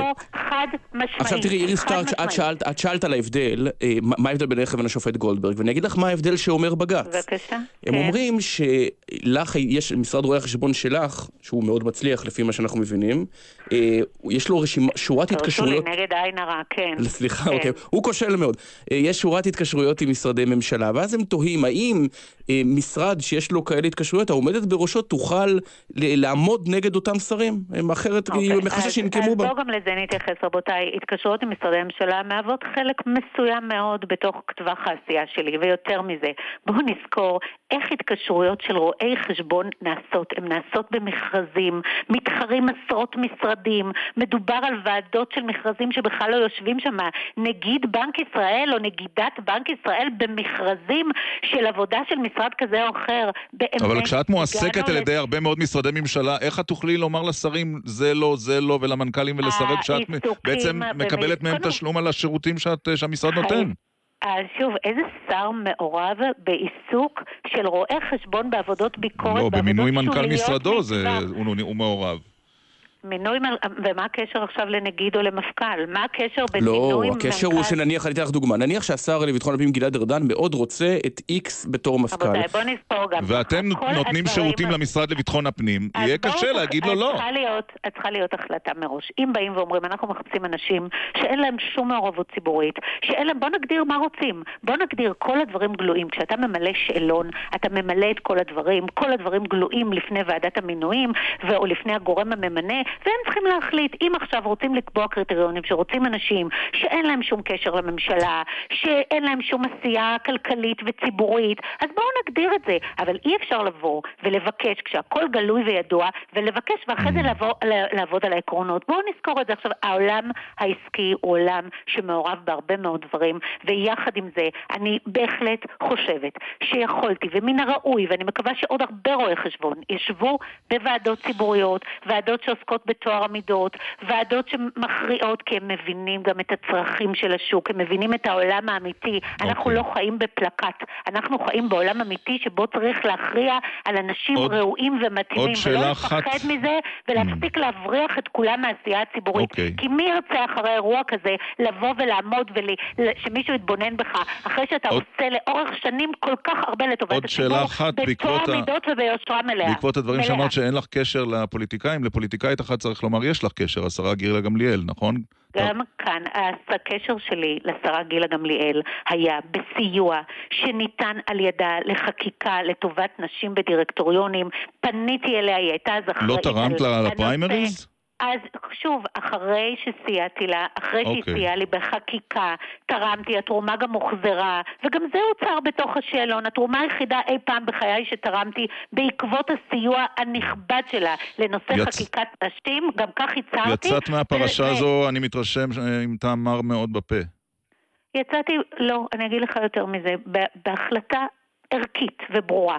שזה לא יפריע לי להמשיך Mm. ולעשות בהתנדבות ולשנות מציאות ולא להיכנע לטעויות כאלה כי כך אנחנו לא יכולים להתקדם ולכן אני חושבת שזה רק מחזק אותי בחשיבה שלא להפסיק ולא לעשות ואני אמשיך בעשייה ציבורית אינסופית כי ככה משנים מציאות. והרעיון הבא, נ- ובאומץ נ- כמו עד היום. את הרעיון הבא נערוך על אה, לשכת רואי החשבון. כן. תסביר לנו בהזדמנות על. העניין. אה, איריס שטרק. ברכות לבחירה, ותודה על השיחה הזו. ותנחומינו על ההתפתרות. תודה. תודה לכם. תודה רבה. בדקל סגל. יפה, יש. אה, אה, תגובות. אין לנו זמן אין עכשיו. זמן? טוב, לא, בשלב הבא. בשעה הבאה. אה, יש לנו וואטסאפ, אבל יש לנו שיחה בהפתעה, אנחנו כבר באיחור. שלום לכם, לך, לך. בוקר טוב. שלום, בוקר טוב, ירון ועמית. מה נשמע? או-אה, מצוין, יוצא מן הכלל, מה אצלכם? לא מתלוננים? או-אה. לא נשמע לך מוכר? יפה. נשמע מוכר. אנחנו מכירים, נכון? אה, אני מכירה את ירון. אה, ואת עמית לא? את עמית אני מכירה רק כמו כל עם ישראל, אבל את ירון אני מכירה קצת יותר אה, אישית. פרטי, הייתי אומרת. Mm. אישית, כן. באיזה תחום את? נשמע כמו את- תחום החינוך או הפוליטיקה. לא, או לא, הפוליטיקה אולי. לא, אני לא מתחום הפוליטיקה. חינוך? אני מתחום הרח- הרחב של חינוך, אתה יכול גם לומר בריאות. בריאות. אה, את נשיאת אה, אוניברסיטה יוצאת? וואלה. איך זה, מי, מי זה היה, ירון? בוודאי. כל הכבוד לך. אתה רוצה להציג אותה, ירון? אה? אה, לא. כל כך מהר. למה? תציג. כן, אה, זו אני. פרופסור רבקה כרמי. נכון מאוד. אוקיי. למה? לא ידעתי ש... רגע, זה חינוך במובן הרע של האוניברסיטה ובריאות בגלל שזה תחום העיסוק שלך. תחום העיסוק בעבר, אני רופאה מקצועית, כן. כן. חזרת לזה עכשיו? לא, לא חזרתי לי, כנראה גם לא אחזור, אבל אתה יודע, זו הזהות שלי בסוף היום. אמ, טוב, קודם כל, פרופסור כרמי, היית אה, הרבה מאוד שנים נשיאת אה, אוניברסיטת בן גוריון. ו... נכון. אה, אגב, נשיאת אוניברסיטת בן גוריון מתגוררת בבאר שבע? אני, אני לא שומעת את השאלה. שאלתי אם נשיאת אוניברסיטת בן גוריון מתגוררת בבאר שבע. ברור, איזו שאלה. אני כבר 40 ומשהו שנים בנגב, ובאר שבע, אני הייתי בבאר שבע, עברתי לעומר, חזרתי לפני שש שנים לבאר שבע. אז לאן את. נוסעת עכשיו? אני עדיין לא יודעת. אני... לא, לא. לאן את נוסעת עכשיו באוטו? היא אה, לקחה את זה ברכב. בפועל, אה, בדרך לאן את, הוא רצה לדעת. לכיוון תל אביב. אה, אוקיי. כמו- כל עם ישראל. תגידי, אה, מה המסקנה העיקרית שלך מכהונתך כנשיאת אוניברסיטה? דבר אחד שאנשים לא יודעים על האקדמיה הישראלית. דבר אחד שהם לא יודעים, אני לא חושבת שיש דבר אחד שלא יודעים על האקדמיה הישראלית היום. מסקנה אחת, אני לא יודע. רוצה- אבל אני רוצה, כן, כן, אבל אני רוצה לחדד את המסקנה שלי, בזה שזה אחד המנופים החשובים ביותר באמת במדינת ישראל לצמיחה ופיתוח. אנשים קצת מקלים ראש בתפקיד של האוניברסיטאות, ואני חושבת שהוא כל כך ברור, לי זה לא היה ברור קודם לכן, אבל היום ברור לי שזה באמת מנוף ענקי. את מתרשמת, כמו שאחרים מתרשמים, שלפעמים בישראל הלא רשמית, הלא מכופתרת, חובבת אה, קיצורי הדרך, להיות פרופסור זה חצי כינוי גנאי? זה להיות אליטיסט, אה, נחשב אליטיסט, מנותק, פלספן. מורם מעם. אני לא יודעת, אני לא חושבת, אני, אתה יודע מה, קשה לי מאוד, כי אני נמצאת בתוך הברנז'ה הזאת, אז קשה לי מאוד uh, לדבר כמישהו חיצוני. אני עדיין חושבת שיש הערכה לפרופסורים, תלוי גם מ- מאיזה כיוון. אני חושבת שבסך הכל בעם, אני חושבת שיש הערכה גם להשכלה הגבוהה וגם לפרופסורים באשר הם. אני אה, לא אטעה אם אני אומר שהקדנציה שלך אה, לוותה לא, לא פעם ולא פעמיים בעימותים על רקע שמאל-ימין באוניברסיטת אה, בן גוריון, חופש הביטוי מול, אה, איך נקרא לזה, חופש, או חופש השיסוי, או הביקורת על כניסה של אה, דעות כאלה ואחרות לאוניברסיטה. מה המסקנה שלך בחלוף זמן אחרי שאת כבר לא בתפקיד? אה, נכון מאוד. קודם כל, זה היה באמת אחד האתגרים העצומים שהיו לי, שלא הייתי מוכנה אליהם בכלל, אה, אבל זה היה גם מעניין, אני מוכרחה לומר. מה, אני חושבת שזה, בסך הכל ייצוג של מה שקורה לנו בחברה באופן כללי. אנחנו, אה, אני לא צריכה לספר לכם, הפערים גדולים, אנחנו מאוד מפולגים, והקטלוג הזה ימין-שמאל קיים בכל מקום, כולל באוניברסיטה, ויש אה, מעט מאוד יש מעט מאוד אה, אה, סובלנות, הייתי אומרת, משני הכיוונים, באמת משני הכיוונים. כן, אבל צריך לזכור שאת עמדת בעיצומה של סערה על אותה מחלקה מפורסמת אצלכם, שהיה בה ריכוז, נגיד את זה, יוצא דופן של אנשים לא שמאל, סופר לגיטימי, אלא ממש תומכי BDS, אה, דבר שהשפיע גם על תוכניות הלימודים, כך לפי משרד החינוך. כן, אתה יודע, בואו נדבר עכשיו, כי העובדות אה, מראות אחרת וגם הראו אחרת. אה, היה בסך הכל אדם אחד שתמך ב-BDS, אף אחד אחר לא תמך בו, אבל הדיון היה מאוד מאוד קולני. מבחינתי חשוב היה לי מאוד מאוד להגן על חופש אה, על החופש האקדמי. אה, והיה איום על החופש האקדמי, היה איום פוליטי אמיתי על החופש האקדמי. אה, כל מה שצריך היה לעשות מבחינת הנהלים וההנחיות של המועצה להשכלה גבוהה, אנחנו עשינו. נכנסנו היטב לעובי הקורה. זה לא שאנחנו זלזלנו, לא בדעות של סטודנטים ולא בעמדות כאלה ואחרות, אבל אני חושבת שהתקשורת סביב הנושא הזה הייתה מאוד מאוד מגמתית, לכיוון אחד מסוים. השאל, השאלה היא האם כל דבר הוא בעיניי חופש אקדמי. יש, אה, יש משהו שאת אומרת, זה כבר לא אקדמיה, זה ממש פוליטיקה, וזה לא המקום לדיון כזה, יש מקום, מקומות כן. באוניברסיטה לקיים דיונים כאלה, אבל בחוג הזה, בחוג ההוא, זה, זה לא המקום, או שאין כאלה בכלל. כן. לא, יש, בהחלט יש. תראה, יש חוגים שמתוקף אה, עניינם חייבים לעסוק בעניין, בדבר הזה, אבל אני חושבת שמרצה כאינדיבידואל לא יכול להשתמש בפלטפורמה, פלטפורמת ההוראה, לצורך קידום אג'נדות פוליטיות שלו או שלה. בשום פנים ואופן לא. אני חושבת שזה לא לגיטימי, זה לא, זה לא משנה באיזה מחלקה. אוקיי, עכשיו תראי... אה, אבל לדון, אוקיי, כן. לדון בעניינים פוליטיים, ואתה יודע מה לא פוליטי היום, אנחנו באמת... כן, אה, נכון. פוליטית. לדון בזה ברמה האקדמית, ברמה האינטלקטואלית, בוודאי ובוודאי, גם בדברים הקשים. כן. אבל לקדם אג'נדה פוליטית... זה, זה לא. בוא, בוא, בוא נדבר שנייה על מחלקות אחרות שעליהן אין ויכוחים סוערים. האם אה, ישראל, האם החברה הישראלית צריכה לדאוג מהעובדה שהפקולטות למדעי הרוח מתרוקנות, או שזו דרכו של עולם? יש מקצועות שבמרוצת השנים נשכחו בצד הדרך. והסטודנטים ו... היום מחפשים איך אה, להתפרנס בסופו של דבר, ולשם כך הם הולכים ללמוד. נכון, קודם כל זו עובדה. סטודנטים מחפשים איך להתפרנס. אה, מצד שני, להתנשל ממדעי הרוח, אה, אני חושבת שזה לא, לא רק שטות, זו גם סכנה גדולה. אה, מדעי הרוח והחברה, ובאמת בעיקר מדעי הרוח, מקנים לסטודנטים יכולות שאני אומרת לך היום בוודאות גמורה. לא מדעים ולא טכנולוגיה לא מקנים. ולכן אנחנו צריכים איזשהו סוג של חיבור. אה, ואני חושבת שכל האוניברסיטאות היום עושות לכיוון של חיבורים, של רוח ומדעים, רוח וחברה, רוח וניהול, כך שהאדם יוצא עם משהו ביד, כן, שאיתו יכול ללכת למכולת, אבל מאידך גם רוכש יכולות של אנליזה, סינתזה, חשיבה וכך הלאה. של מקצועות אחרים. אבל כיוון, אה, אבל כיוון שאי אפשר להביא בכוח אנשים לפקולטות למדעי הרוח, האם בעוד 20-30 שנה... נגזר דינם. נגזר דינם?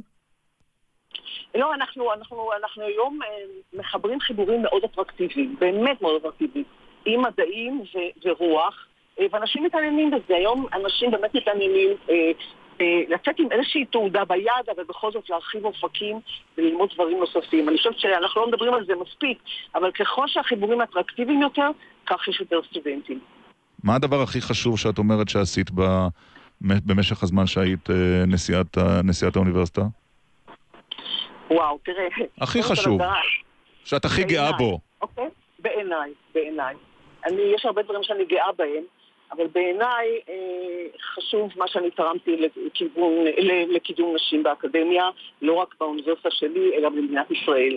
אה, אני חושבת שרק אה, העובדה שהייתה נשיאה בראש אוניברסיטה יכולה הייתה לעשות את מה שאנחנו עשינו ביחד בנושא הזה. ובכל זאת מחליף אותך גבר. מחליף אותי גבר, אבל אני מקווה שהדברים כבר אה, על המסילה, יש דברים שאי אפשר כבר להתעלם מהם, ואני מקווה שאחרים גם אה, הבינו שלהביא נשים לתוך מערכות מגביר את האפקטיביות שלהם וגם אה, את, ה, אה, את ההצלחה. פרופסור אה, רבקה כרמי, רבקה כרמי, אה, עד לאחרונה נשיאת אה, אוניברסיטת בן גוריון, שמחנו לשוחח איתך. ונסיעה טובה, נסיעה טובה. כן, נסיעה טובה לנסיעה. תודה רבה, ירון ועמית. תודה רבה. להתראות. יש תגובות אה, שנקרא בפתח השעה אה, הבאה. כן, 052-921-0021. בשעה הבאה לקבוצת הוואטסאפ שמבקשת להרחיק חרדים, לא להשכיר להם דירות בצפון תל אביב. שמא חלילה... וגם אה, שמא חלילה. חלילה. נדבר על זה בשעה הבאה. ואיך יש שתיקה? איפה חברי הכנסת שהציפו אז את המערכת בתגובות כשהיה מדובר באי השכרת דירות אבל זה לערבים? היה ערבים. לאן הם נעלמו? בשיחה ראשונה עם הנציב, אולי נציב שירות ברשת פלאפון המדינה, התרחבה? נציב שירות המדינה החדש, אה, פרופסור הרשקוביץ, מיד בפתח השעה השנייה של דקל סגל.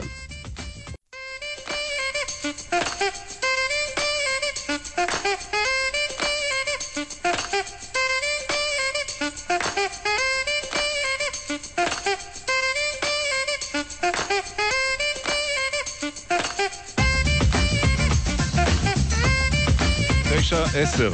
אה, עשר וחמש דקות, הזמן עובר מהר כשנהנים. אה, מיד, אה, או לא מיד, עוד מעט עוד מעט. נדבר עם אה, נציב שירות המדינה החדש, דניאל הרשקוביץ. כן, מוכר לכולנו יותר כיושב ראש הבית היהודי לשעבר. ושר בממשלה, אה, כולל השאלה איך ינהג בוועדה למינויים בכירים, שעליה דיברנו עם רואת החשבון שטרק, כשתבוא השאלה מי מפכ"ל המשטרה.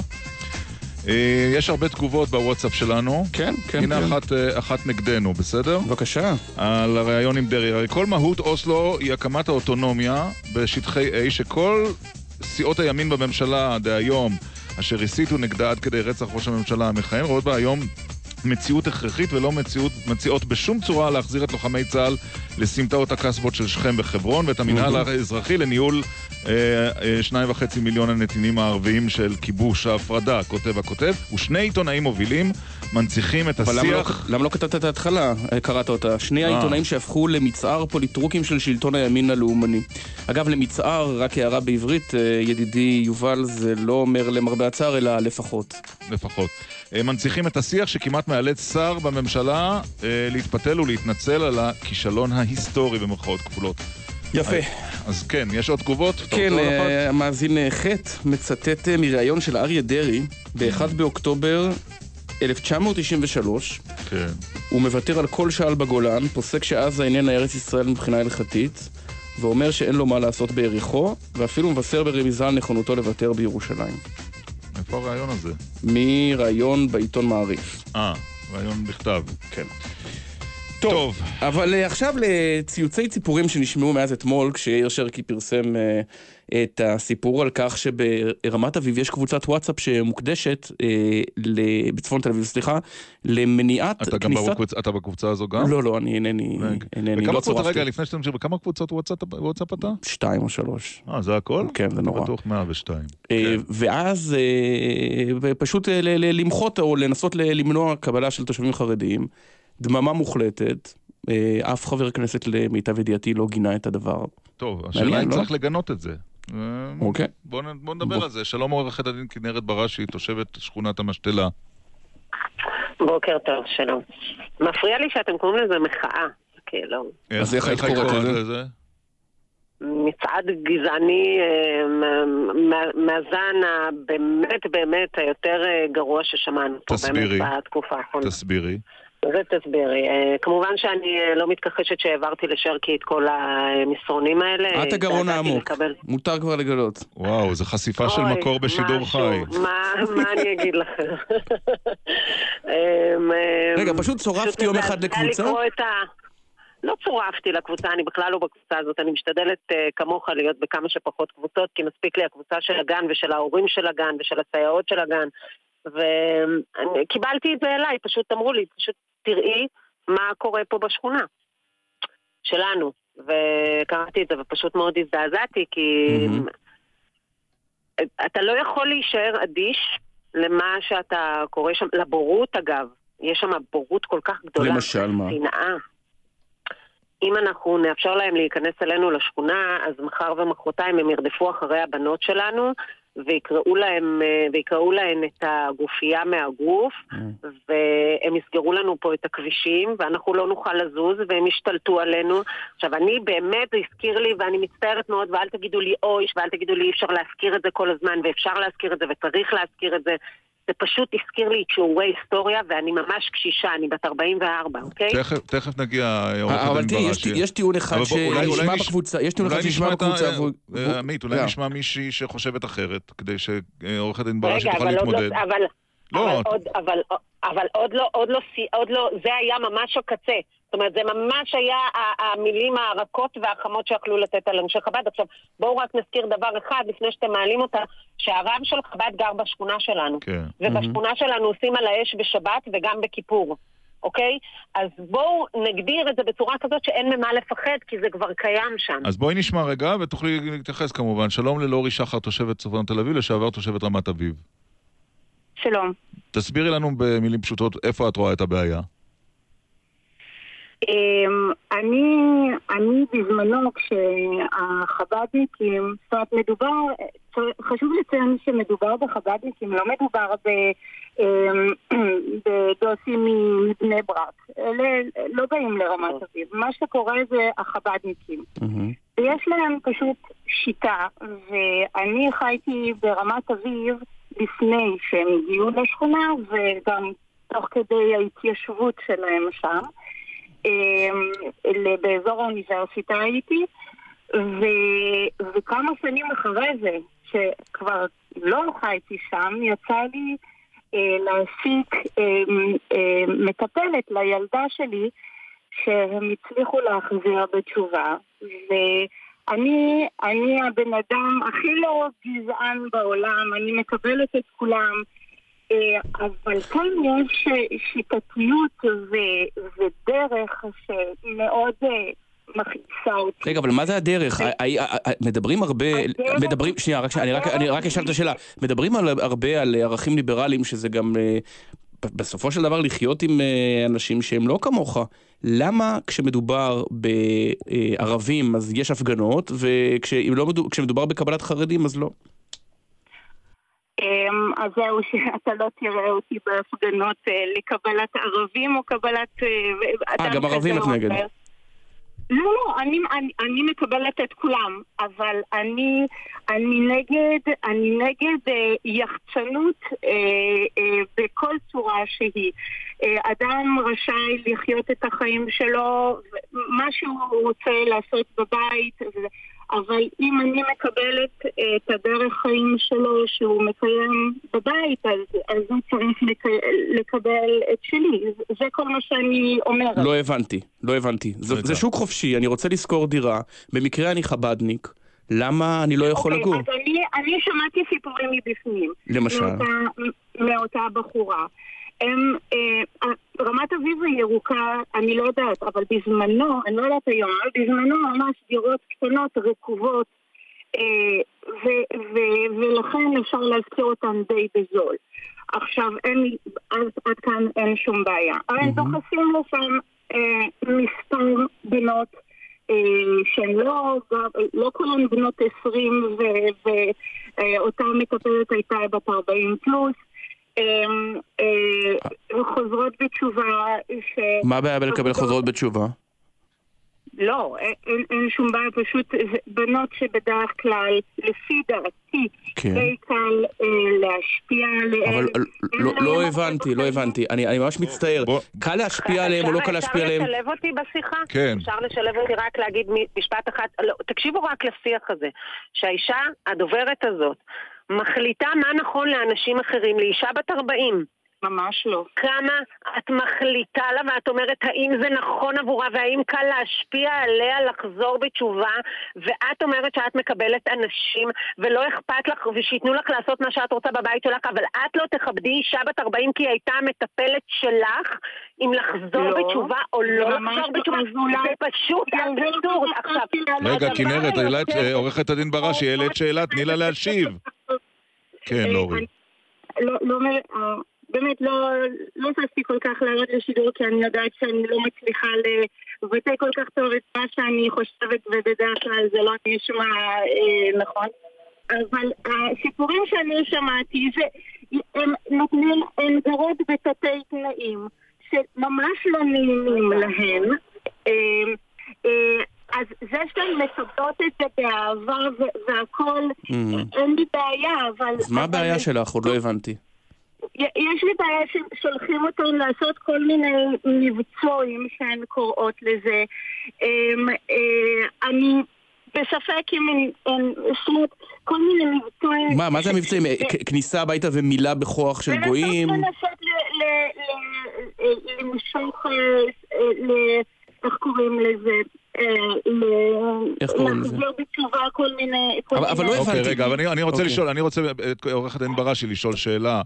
והיה ויש תושבים במש, במשתלה שחוששים שמה שעבר על שכונת רמות יעבור גם על המשתלה. איך את מציעה להם לבטא את חששם? הם לא יכולים לחשוש ככה, אני אומרת למה שהרב לא? של חב"ד- שכונת רמות הייתה בעלת צביון. אחד, היא השתנה הצביון שלה. היא היום שכונה שהיא ברובה חרדית. זה מה שקרה במהלך השנים. בצורה, מאוד פשוטה, אני- אוקיי?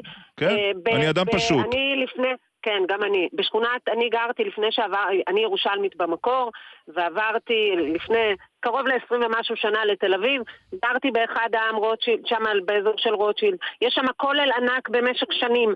הרחוב הזה בטח לא התחרד.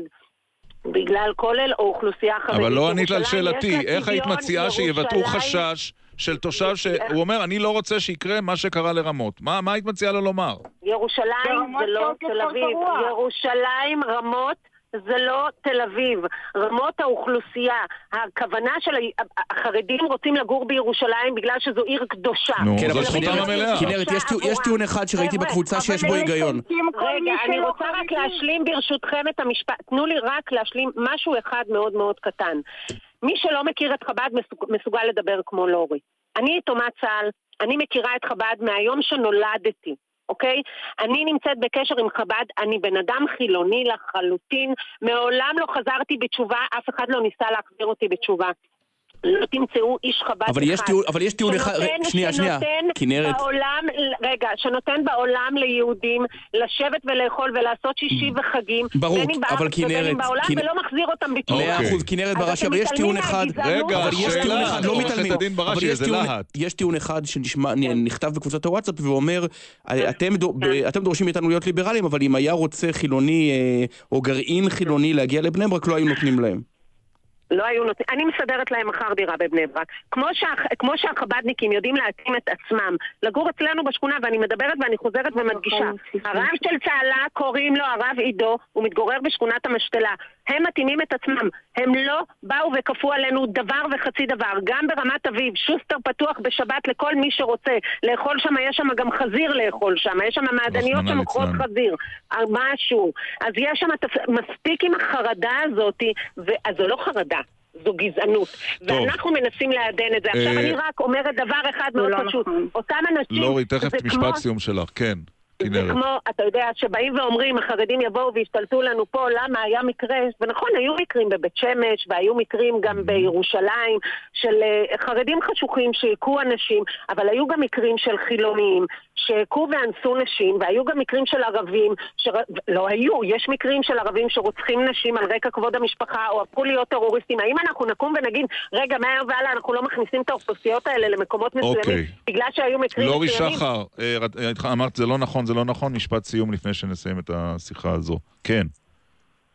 אני אה, באופן אישי אפילו לא חושבת על עניין אה, אה, גזעני, אני באה ממשפחה אה, דתייה, אבל העליתם גם את הנושא של רמות, שם זה עוד יותר גרוע, כי, גם חובשי כיפה סרוגה, אני מכירה ממשפחתי האישית, הם מסלקים אותם כי הם לא חרדים. אז זה שונה מהחב"דניקים. החב"דניקים הם כולם, אני, מה שאני יודעת, רובם חוזרים בתשובה, אז יש להם יותר סובלנות אולי למי, ש, למי שהוא אה, חילוני. אבל. אני, נגד, הם תופסים אנשים חלשים. כן, ברור. כן. אוקיי. יש להם גם אף ארוך. והם גם לא מתקלחים. טוב, חברים, גבירותיי. אנחנו לא נגיע להסכמה כאן, אבל רצינו להציף את הנושא הזה. תודה רבה לך, לורי תודה שחר, שיושבת אה. צפון תל אביב, תודה. ועורכת הדין כנרת בראשי. בראשי משכונת המשתלה. תודה. רבה. 05 לתגובות בוואטסאפ, 052-921-0021. ורציתי לומר גם שניסינו אה, לדבר עם עוד תושבים שמתנגדים לאכלוס הם לא רוצים. החב"דניקים, לא כל כך רצו כן, לדבר איתנו. מעניין. נו, כי אתה מפחיד אותם. נורא. נו. אם- אה. אם חב"ד מפחיד אותם, שאני לא אפחיד אותם? טוב, אתמול אה, מינתה הממשלה אחרי תלאות אה, רבות, ארוכות, משוכה שכמעט נדמה היה שהיא בלתי עבירה, נציב שירות מדינה חדש. הממשלה אישרה את מינויו של השר לשעבר, הפרופסור דניאל הרשקוביץ, והוא איתנו. שלום. בוקר טוב לך. פרופסור הרשקוביץ, בוקר טוב. מעניין, מוזר ומסתורי. נעשה שוב, שלום לפרופסור דניאל הרשקוביץ. בוקר טוב לירון ולעמית. אתה מתמטיקאי, היית נשיא אוניברסיטת אה, בר אילן, למה אתה צריך את הג'וב הזה? צריך, אה, תראה, יש, אני, אני מסתכל על זה ככה, אני לא, לא מחפש עכשיו לעיסוקים לעצמי, אלא אה, אני מסתכל על, בצורה הציונית הפשוטה, על זכות לעבוד למען עם ישראל. אתה מתחיל מזה שאני מתמטיקאי ונשיא בר אילן, אני מסתכל על זה שאני בן ליוצאי שואה, לשרידי שואה, לניצולי שואה, אנשים שהיו גם, גם אבי וגם אמי, אה, עליהם השלום היו במחנות. אה, אנחנו היום יש לנו מדינה משלנו. הזכות ל- להיות חלק ממדינה יהודית עצמאית היא, היא, היא דבר שהוא לא ברור מאליו, והיא כל כך גדולה. והזכות אה, לתרום אה, לביסוסה של המדינה זה דבר שאין שווה לו. זה נכון, רק שאתה יודע, פרופסור הרשקוביץ, לא- לא שוגרת לשחרר את הכותל כרגע על ידי ראש הממשלה. נשלחת להיות המינוי במקום המינוי שלו, שבעצם היה ברור שלא יעבור, עופר ברכה. לא, אה, זה בכלל לא קרה, אני חושב שאת הכותל משחררים אה, פעם אחת. זה נכון. אבל... אה. לא, אה, את הרחבה המשותפת, הכוונה. אבל בסדר, אבל אני אומר, אני אומר, צריך, את המדינה צריכה לנהל יום-יום, ולכן האתגר אה, בתפקיד הזה הוא כל כך גדול, אה, זוהי זכות ענקית אה, לנסות לתרום תרומה נוספת לעם ישראל. ראש הממשלה, פרופסור הרשקוביץ, שוחח איתך על התקלות שאירעו לו במהלך המינוי הכושל של עופרה ברכה? שוחחתם על זה כשהוא אה, שוח איתך על התפקיד? לא, לחלוטין לא. אז מה הוא אמר לך כשהוא הציע לך את התפקיד? לא, הנושא של אה, עופר ברכה לא היה בכלל על ה- על הפרק בינו לביני. בינו לביני זו הייתה רק השאלה או הבדיקה, האם, אה, האם אני מוכן אה, לקפוץ לבריכה הזאת, האם אני מוכן מוכן לאתגר הזה. למה אנחנו מזכירים את עופר ברכה? לא בגלל שהנושא הזה מעניין יותר מדי את ציבור מאזיננו כנראה, אלא בגלל שזה אולי מעיד מה מצפה בנימין נתניהו מנציב שירות המדינה החדש. והוא מצפה כנראה לנאמנות די מוחלטת, הוא מינה את אה, ברכה שרצה למנות אותה, שהייתה פקידה לא הכי בכירה במשרד הפנים. אפשר לומר פקידה זוטרה. זוטרה. השאלה אם הוא רוצה גם, או מצפה גם ממך, אה, להיות, אה, להגיד לו כן. להיכנס לנעליים שלה. תראה, אה, אה, אה, היו לנו, היו לי שיחות עם, היו יותר משיחה אחת עם ראש הממשלה, והדבר שעלה בשיחה הוא לא, עכשיו אתה, אני צריך שם מישהו שיעשה את דברי או יקדם את ענייניי, אלא על הצורך אה, באמת לקדם את אה, נציבות אה, שירות המדינה. אה, בעצם זו הייתה בדיקה אם אנחנו רואים בעין בעין את, אה, את אה, ייעודה של, אה, של הנציבות.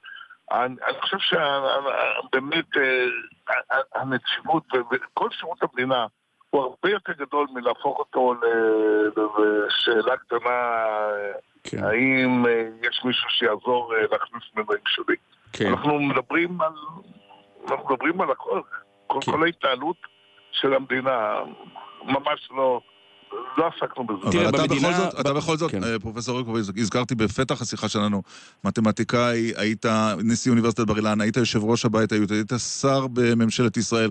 לא נעלבת קצת שבסופו של דבר ראש הממשלה פנה אליך כדי להחליף מועמדת שהיא פקידה ושהוא לא הצליח למנות אותה? לא חשת איזה סוג של עלבון? לא, אני, שוב, אני לא מתייחס אה, אל, אה, אל העשייה הזאת, כמו שאגב גם על העשיות אחרות שעשיתי בעבר, לא, התייח, לא התייחסתי כאל אה, אל קריירה אישית, אלא כמו שאמרתי, היכולת אה, לתרום למדינה. תראה, אז, אה, אז, אז באמת, בוא, בוא, בוא נדבר על התוכן, כי תראה, את- אתה תהיה אחראי כנציב שירות המדינה, אני לא סגור על המספר לגמרי, אבל הוא בטח בשבע ספרות, עשרות נכון? אלפים. לא, יותר. יש למעלה ממיליון עובדי מדינה, לא? לא כולל המירון. לא, לא, לא, לא, לא. למען האמת, אה, כשאנחנו מסתכלים על האחריות הישירה, יש אה, כזה וגודל של, אה, של כ-70 אלף, אולי 80 אלף. כן, כי המורים לא נכללים. אה, המורים. הם, נכללים רק, רק לצורך uh, המשמעת. רק במשמעת הם כפופים. יש גם יחידות סמך, אבל אנחנו מדברים על, uh, בוא נגיד, כשאנחנו מסתכלים על יחידות הסמך ואם כוללים את, ה, את האחריות לגבי המשמעת, אנחנו מדברים על כמה מאות אלפים. Uh, אבל uh, הדבר הזה הוא, uh, הוא בעצם משפיע, וזה גם נורמות, זה גם, זו, זו גם, אני חושב שנציבות שירות המדינה קובעת נורמות שגם אלה שלא כפופים ישירות לנציבות, אה, מושפעות על ידי. אוקיי, אז אתה מגיע, אתה תגיע לנציבות שירות המדינה, ומה מה, מה העיקרון שהחלטת ליישם שקודמיך לא עשו? יתר הקפדה על משמעת, פישוט של ההליכים הבלתי נגמרים? תראה, אני, אני, אני, אני מעדיף לא לדבר על מה קודמיי עשו ומה קודמיי לא עשו, אני, אני מעדיף לדבר על החזון. אה, ובחזון אה, אני מסתכל על, בכלל, על שירות המדינה. שירות המדינה זו הזרוע המבצעת של הזרוע המבצעת. דהיינו, הזרוע המבצעת כמובן במדינת ישראל זו הממשלה, אה, והכלי שלה, או היא מעבירה או מבצעת את אה, מדיניותה, את פעולותיה, את ניהול המדינה, דרך אה, שירות המדינה. עכשיו, שירות המדינה, אז כשמו כן הוא, צריך להיות שירות. השירות הטוב ביותר, היעיל ביותר, השירות שבאמת מקדם. המדינת ישראל היא מדינה מתקדמת, היא אולי המדינה שהתפתחה בקצב הגבוה ביותר ב-70 השנה האלה, היא מתפתחת, היא מתקדמת, היא מעצמה בהמון תחומים. אה, אז זוהי רכבת שהיא נוסעת, צריכה קטר שדוחף, או קטר ש... כן. אה, שסוחב מבחינתי, נציבות שירות המדינה זה הקטר. אתה יודע, אבל... בשם כך צריך להבין. יש, אה, פרופסור הרשקוביץ, עוד תפקיד מרכזי שאתה תמלא, והוא חבר הרביעי בוועדת גולדברג למינויים בכירים, ועדה שגם היא ספגה זעזוע אתמול כששניים מחבריה התפטרו, ועסקנו בכך קודם לכן. ראש הממשלה הוא חשוד בפלילים ועומד מינוי מפכ"ל שיבוא לוועדה שאתה חבר בה. איך תנתב את uh, עמדתך בוועדה הזו?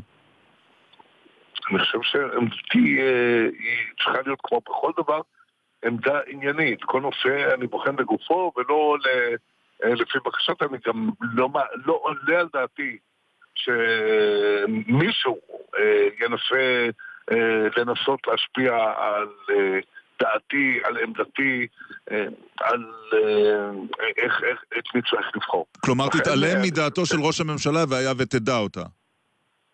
אני, אני חושב ש... שוב, אני... באמת, כפי שאמרת, היו לי זכות ראש הממשלה. אני... באמת הוא לא עוסק, בוודאי איתי, הוא לא עוסק בזוטות האלה. מינוי מפכ"ל זה לא זוטה. כן, אבל אני לא, לא חושב שראש הממשלה אה, מציע או יש לו מועמד למפכ"ל, ואם יש לו בוודאי לא חלק את זה איתי, אה, ואני, גם, גם על פי אופי השיחות שלנו, ברור לי שלא יהיה שום ניסיון מבחינתו להשפיע, או גם, אה, גם הוא אה, רוצה נציב ש... אה, שיעשה את עבודתו נאמנה.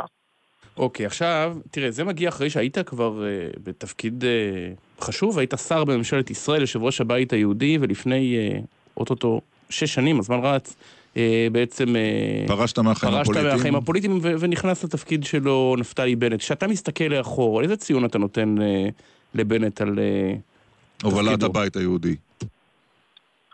תראה, אחד הדברים...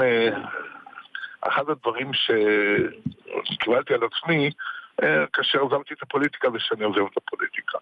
אה, אני לא גדלתי בפוליטיקה, כפי שאתם יודעים, אני די הוצנחתי ברשות הבית היהודי על ידי הוועדה שהייתה בזמנו. אני, הארבע שנים האלה ש, אה, של עשייה היו, גם הם ארבע שנים מבחינתי נשגבות, יוצאות מן הכלל, אבל כשהחלטתי שאני יוצא מן הפוליטיקה, אז אני יוצא מן הפוליטיקה. יוצא מן הפוליטיקה. אבל מה דעתך על בנט בסך הכל עמית שאל? איך, מה דעתך עליו? תראה, אני, שוב, אני לא רוצה לתת ציון לאף לא פוליטיקאי, אני חושב ש... אה, אה, הוא אדם שהוא הוא, הוא נמצא בתפקידים אה, בכירים מאוד, היה שר הכלכלה, עכשיו, עכשיו שר החינוך, יש לו קבלות לא מעטות בשני המשרדים, יש לו גם קפלות פוליטיות, הוא, אה, הוא הצליח אה, להביא את, אה, את הבית היהודי אה, לגבהים אה, ש... הוא לקח גם אה, את המפלגה לא- ימינה, יותר ממה שהיה בתקופתך, אתה מרוצה? הוא בעיקר לקח אותה מול ראש הממשלה. אמרתי שוב, שוב, אני לא, לא נכנס לשאלות פוליטיות, אני ניסיתי, שביקשת, אני באמת התייחסתי ל, אה, ל, להישגים, אה, אני מתמטיקאי, אז זה הישגים כמותיים. אה, לגבי, ה, לגבי כיוונה של, ה, של המפלגה, אז הוא רואה, זו, כל, כל, אה, אה, כל פוליטיקאי מושך לכיוון שלו. זה אין לא- לך- אין לך משהו טוב לומר עליו. אה, להפך, אני אפילו, אפילו לא חושב שאמרתי דבר שהוא... שהוא אפילו שמץ של להפך, התייחסתי ל... נכון, כאילו לא. אמרת להפך ולא אמרת בעד, אתה צודק. בין ההישגים הפוליטיים. אה, אוקיי. הצבעת לו? מה, מה, כשאני לא מעורב בפוליטיקה, אז בוא, בוא לא... לא... אה. אוקיי. טוב. אל תכניסו אותי אתה- ירון- ירון לא יודע, אבל... גם, גם, גם, כן. אומר, אומר גם, אני חושב שבין היתר, בין היתר, אני, אני בתוך עמי אני יושב, אני גם אה, אה, שמעתי על אלה שמערערים על אה, בחירתי, ובין היתר הטענה שיש לי זיקה פוליטית. אני חושב שה... ה- כפי שאמרתי, אני התנתקתי מהפוליטיקה, ובאמת אין לי היום שום זיקה פוליטית לאף לא מפלגה אחת. זאת אומרת, אין לי, אני לא חבר, לא, לא פעיל. זה. בתגובה כן. לעתירה שאולי תוגש כן. נגד המינוי של התנועה לטוהר המידות. יפה, אני פרופסור... אה, בוא- באמת תישאר ללא זיקה פוליטית. אה, אז אתה אומר, זו הסיבה היחידה שאתה לא אומר אם הצבעת לו או לא. אה, רק הצבעת אבל בבחירות. ודאי, מה השאלה? אזרח אה. מעורב. אוקיי, טוב. י- ירון לא יודע, אבל אה, גדולתו העיקרית של פרופסור הרשקוביץ זה אלה יחידות מתמטיות נפלאות. שהוא מפזר אני- בכנסת, היה מפזר בכ- אני בכנסת לכל נפרדתי דורש. מהמתמטיקה בסיום בחינת הבגרות בארבע יחידות. וחבל. אה, נכון. אה, פרופסור דניאל הרשקוביץ, אה, נציב אה, שירות המדינה החדש, תודה רבה לך על הרעיון הראשון הזה. תודה רבה לכם. בהצלחה. אנחנו מאחלים לעם ישראל כולו, ש... תודה, בהצלחה לעם ישראל כולו, שיהיה גמר חתימה טובה. ואני מאחל לכולנו את הכוח, את הזכות, את היכולת לתרום לעם ישראל. טוב, ויש אה, גם תגובות בוואטסאפ שלנו על הדיון על אה, חב"ד בצפון תל אביב. אתה רוצה שנקרא? אחת או. שתיים? אז אה, בוא תתחיל. אמ, רק להזכיר שכל פשעם וחטאם של החב"דניקים הוא בכך שהזמינו ילדים לשמוע את קול השופר בראש השנה ועל זה קמה המהומה. נניח שזה היה קורה באירופה אם זה לא היה מצטייר מיד כאקט אנטישמי.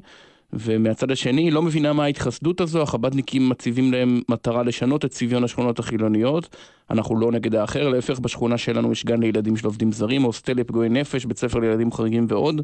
המזימה היא שלהם ולא שלנו. ועוד אחד, אחד די הזוי, אה, כשכאשר מדובר על בתי חב"ד במזרח הרחוק או בדרום אמריקה, כולם נהנים ליהנות מהחב"דניקים ולשבח את פעילותם, אף אחד לא מצפה מהם להיות פסיביים וכלואים, אך כשמדובר בבתי חב"ד ברחבי הארץ, מצפים שיהיו כלואים וסגורים בבתיהם או בגטאות סגורים. רק לתאילנד ונפאל מגיע להם שלוחי חב"ד? אוקיי. טוב. אמ, טוב, יש לנו עוד תגובה עכשיו בשידור על הריאיון שעשינו בשעה הקודמת, אגב אפשר לשמוע אותו באתר גל"צ ובטוויטר עם השר אריה דרעי על אוסלו. שלום ל- ליונתן יוסף, נכדו של הרב עובדיה. שלום וברכה לך ולכל המאזינים. שמעת את הריאיון. מה הקפיץ אותך? תראה, יש לנו הקלטה של הרב עובדיה בקולו והתבטאויות שלו בפני בני המשפחה, כולל בפניי, שאריה דרעי הוא זה שגרר אותו לתמיכה בהסכמי אוסלו. צר לי שבציבור הספרדי וגם בציבור הכללי, אנשים מאמינים לפוליטיקאי עבריין מורשע ולא לרב עובדיה. הרב עובדיה בקולו, בתמונתו, בסרטון וידאו, אומר בפירוש, הבן אדם גרר אותי להסכמי אוסלו, אני לא רציתי לתמוך בהם. כן, אבל גם אריה גם אתם נחלקים, לא- לא כולם. חושבים כמוך במשפחה על השר דרעי. בוא נודה, נאמר גם את זה כאן. אני לא חושב, אני לא אמרתי שכולם חושבים כמוני, רק אני חושב שהדעות שלי ושל אבא שלי, הרב יעקב יוסף, זכר צדיק לברכה, הוכחו כנכונות לאורך זמן. ההתנגדות לאוסלו הייתה נכונה. כן, רק- רק צריך להגיד- אם צריך- הייתה מצליחה, צריך רק להגיד שני דברים, יונתן יוסף. שעוד כמה אנשים יישארו בחיים. אחד, כן. צריך להזכיר שאתה היית, אתה עדיין נדמה לי במפלגה של אלי ישי, שהוא היה הנמסיס הגדול של אריה דרעי, למה והדבר היה? השני, אולי עדיין, והדבר השני הוא שאמר אריה דרעי, הנה יש לי את ההוכחה החותכת. עזבו את ההקלטה ב-2008 שאנחנו לא יודעים מה היה לפניה ומה מה אחריה. שהרב כתב בשנת בעצמו. 2000 הרב כותב ביומנו, הוא מסביר שהוא היה בעד אוסלו.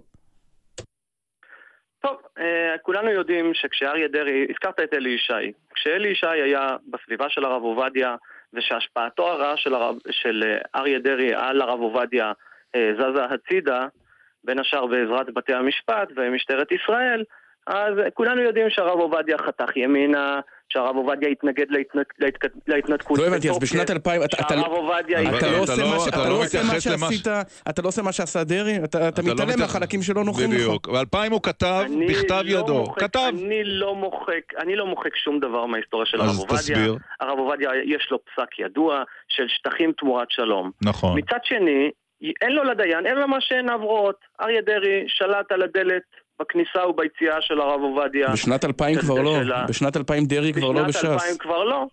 אז אני אומר לך שעד שנת אוקיי. 2000 עדיין אה, השפעתו של דרעי אה, הייתה איתנה וחזקה ומורשתו הייתה איתנה וחזקה ואנחנו לצערנו, לצערנו אנחנו אומרים, יש אנשים שמעדיפים לא להאמין לרב עובדיה בקולו והסרטון וידאו הוקלט בתקופה יותר מאוחרת משנת 2000 ושם הרב עובדיה אומר בפירוש, אני לא רציתי לתמוך בדבר הזה, הוא גרר אותי. להאמין, תבחרו, אני אומר לאנשים אוקיי. תבחרו, להאמין לרב עובדיה בקולו ובתמונתו ולחשוב שהסרטון הזה ערוך או מזויף, אה, דברים ש... שהוא לא אמר ברגע שהסרטון יצא, אוקיי. אלא הוא נזכר אחרי כמה שנים לומר. זה תירוץ מאוחר. ויחד עם זאת, אני אומר, הסכם אוסלו היה הסכם ארור. להפיל על הרב עובדיה את הדברים האלה אה, ול, ולתמוך אוקיי. בצעדים של שמאל. גם היום, להמשיך בדרך הזאת ולהצדיק את המהלכים של אדם שהוא טוב, הלך, זה כבר לתעמולה של המפלגה של אלי ישי, לא תשאיר משהו לאז. יפה. אוקיי. אז אני אומר, תראה, אני חבר בסיעת מאוחדים, שרצה לעיריית ירושלים. אוקיי. נכון, אני נציגו של אלי ישי. טוב. יחד עם זאת, צריך לזכור שאנחנו צדקנו בעניין הסכמי אוסלו, בהתנגדות שלנו הנחרצת להסכמי אוסלו. מי יודע כמה יהודים היו נותרים בחיים כן. אם ההסכם הזה, אם אריה דרעי היה עומד איתן. למרות שצריך לזכור. ומתנגד, אומר לרב עובדיה. יונתן הוא היה יוסף, צריך להגיד לרב עובדיה, נשים גם אם נקודה. טענתו נכונה, הוא היה אומר, אני מתפטר. כמו שאני לא אלך היום לתמוך בשום צעד של מסירת שטחים, גם אם כל הרבנים יגידו לי לתמוך. יפה. הרב- אה, יונתן יוסף, של הרב עובדיה יוסף, תודה רבה לך. תודה רבה לך ולכל הזמן. אוקיי, עכשיו אנחנו אה, נלך למשהו קצת רחוק, אבל מעניין. כן. בארצות הברית חברת, אתה יודע, תמיד אומרים שהלקוח תמיד צודק, כיוון שיש לקוחות מכל אה, צד אה, פוליטי. נייקי הפתיע. נכון, אז חברות בדרך כלל משתדלות מאוד להימנע. מפוליטיקה. לא, מפוליטיקה. והנה לפתע, אה, חברת נייקי... לא, גם לא רוצות להרגיז. נכון. חברת נייקי החליטה ללכת על הראש הפוך על של הפוך. דונלד טראמפ. שלום וזה ל... מצליח לה. כן, איתנו שניים. שלום לאודי פרידן, פרסומאי. נעים מאוד. בוקר טוב. בוקר טוב לדוקטור גיל סמסונוב, פרסומאי. בוקר טוב. כתבת אתמול מאמר אה, בגלובס, סמסונוב, שאומר שהמהלך של נייקי הוא גאוני, לא פחות. למה? אה, אמרתי שכולם שופטים את המהלך של נייקי כמוסרי או קודם כל צריך. להסביר מה היא עשתה, כי אני לא בטוח שכולם יודעים. אוקיי, היא לקחה את אה, קופרניק, שהוא אה, כוכב אה, פוטבול אמריקאי, נודע, שהוא כבר, אה, אה, שאין לו חוזה עם, עם הליגה של ה-NFL, בגלל העובדה שהוא והוא סחף איתו כמה חברים, לא עמדו בהמנון האמריקאי, להפך, קראו כמחאה, אגב, מחאה לא נגד טראמפ, נגד אלימות משטרה נגד שחורים בארצות הברית, כבר לפני כמה שנים, לפני שנתיים נדמה לי. זה הפך להיות עם הזמן מזוהה כאילו אה, נגד הממסד או נגד, אה, נגד טראמפ. אה, נייק שהחזיקה את קפרניק כמו שהיא מחזיקה הרבה כוכבים אחרים, החזיקה אותו כבר אה, שבע שנים, היא מחזיקה אותו והיא לא משתמשת בו. לא משתמשת בו לקמפיינים, נזכרה עכשיו ולקחה אותו לקמפיין מאוד פרובוקטיבי שנשפט כמובן בהתחלה האם הוא מוסרי או ערכי או אה, מי בעד מי נגד כי צריך לזכור, לקחו כוכב שלא עמד בהמנון האמריקאי, תשליכו את זה על ישראל, תבינו את המשמעות. ומה שאני כתבתי זה כתבתי, היי, חכו רגע עם הבחינה המוסרית והערכית. הם עשו מהלך שיווקי גאוני, למה? כי הם בעצם ויתרו על החצי, נניח בגדול, החצי השמרני או הרפובליקאי או המבוגר, אה, והלכו יותר על, ה, על הצעירים, אה, אני אוכל לפרט למה גם, אבל גם בכלל, בידלו את עצמם בעצם מארצות הברית, מההמנון, מטראמפ, כי בחוץ... כי בכל העולם קונים נייקי. וברוב העולם לא אוהבים את טראמפ. נכון, זה הסיפור. נכון. אודי פרידן, יש לך דוגמה לקמפיין שהיה בישראל, או קמפיין היפותטי, ש- שהוא בכלל מקבילה של זה? ולא הכוונה לקחת את השופט סלים ג'ובראן, שיככב באיזשהו, לא, כי הוא לא לא. שר את התקווה, לא לזה הכוונה. תשמע, תשמע, אני מודה לכולכם על הסקירות ההיסטוריות האלה, אבל בואו בוא נדבר רגע תכלס. תשמע, אוקיי. נייקי היא ההפך בדיוק ממה שקורה בישראל כרגע, ואני אסביר. נייק היא אמיצה, פורצת דרך, נועזת, היא חלק ממך ומהמאמץ שלך בחיים. היא ממשיכה עם הגנים שלה כמו שהיא נולדה, כמו כל מותג חזק עם ביטחון עצמי. נייק היא לא שבשבת רוחות ציבור. נייק היא מצפן שמראה לך את כיוון המצפון. הפרסומות שלה תמיד שיקפו את ניצחון הרוח, את ההישגיות העצמית, את המאמץ, את ההתגברות, את העשייה. זה לא הקפיצה לגובה, אלא השאיפה למעלה. זה לא אוקיי. אבל דוגמה. ישראלית, יש או שכולם בארץ יפחדו? רגע, רגע, לא, לא, הבעיה, אני אגיד לך איפה הבעיה. הבעיה היא שנייק ההפך גמור ממה שקורה אצלנו בארץ, ואני אגיד לך למה. תראה, כן. נייק לקחו מישהו שנוי במחלוקת, כמו שהסביר גיל. זה דורש אומץ, זה דורש יושרה, זה כבוד לאדם, כבוד לאחר, כבוד למיעוט.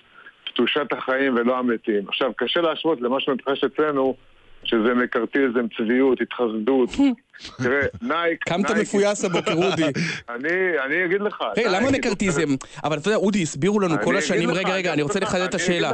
הסבירו לנו כל השנים, שכשאתה חברה, אתה עושה מעדן חלב, או נעל, או מחשב, אתה לא רוצה רוצה למצוא להגיע לאף חן. בעיני הלקוחות שלך כדי לא, שלא יתרכזו עליך פשוט. זה מה שהסבירו לנו, אז איפה טעינו? אז אני אגיד לך בדיוק, תראה, למרות שאתה ואני וגיל שם יודע שמדובר בסוליית גומי עם כיסוי רשת, למרות זאת, מה זה פרסום טוב? אתה מאמין לנייק כי אתה מתחבר, ל- אתה מתחבר לערכים שהיא מייצגת, למרות שאתה יודע שזה סוליית גומי וכיסוי רשת. כי בפרסום טוב יש גרעין אמת וזה האמת שלך, ולפעמים אתה שוכח אותה, ונייק מזכירים לך אותה. עכשיו, למה אני אומר ההפך ממה שקורה אצלנו בארץ? נו. תראה, אצלנו יש חגיגת שקר, ונייק זה תרבות האמת. אצלנו זה just say it ונייק זה just do it. פשוט אוקיי. זה עצוב.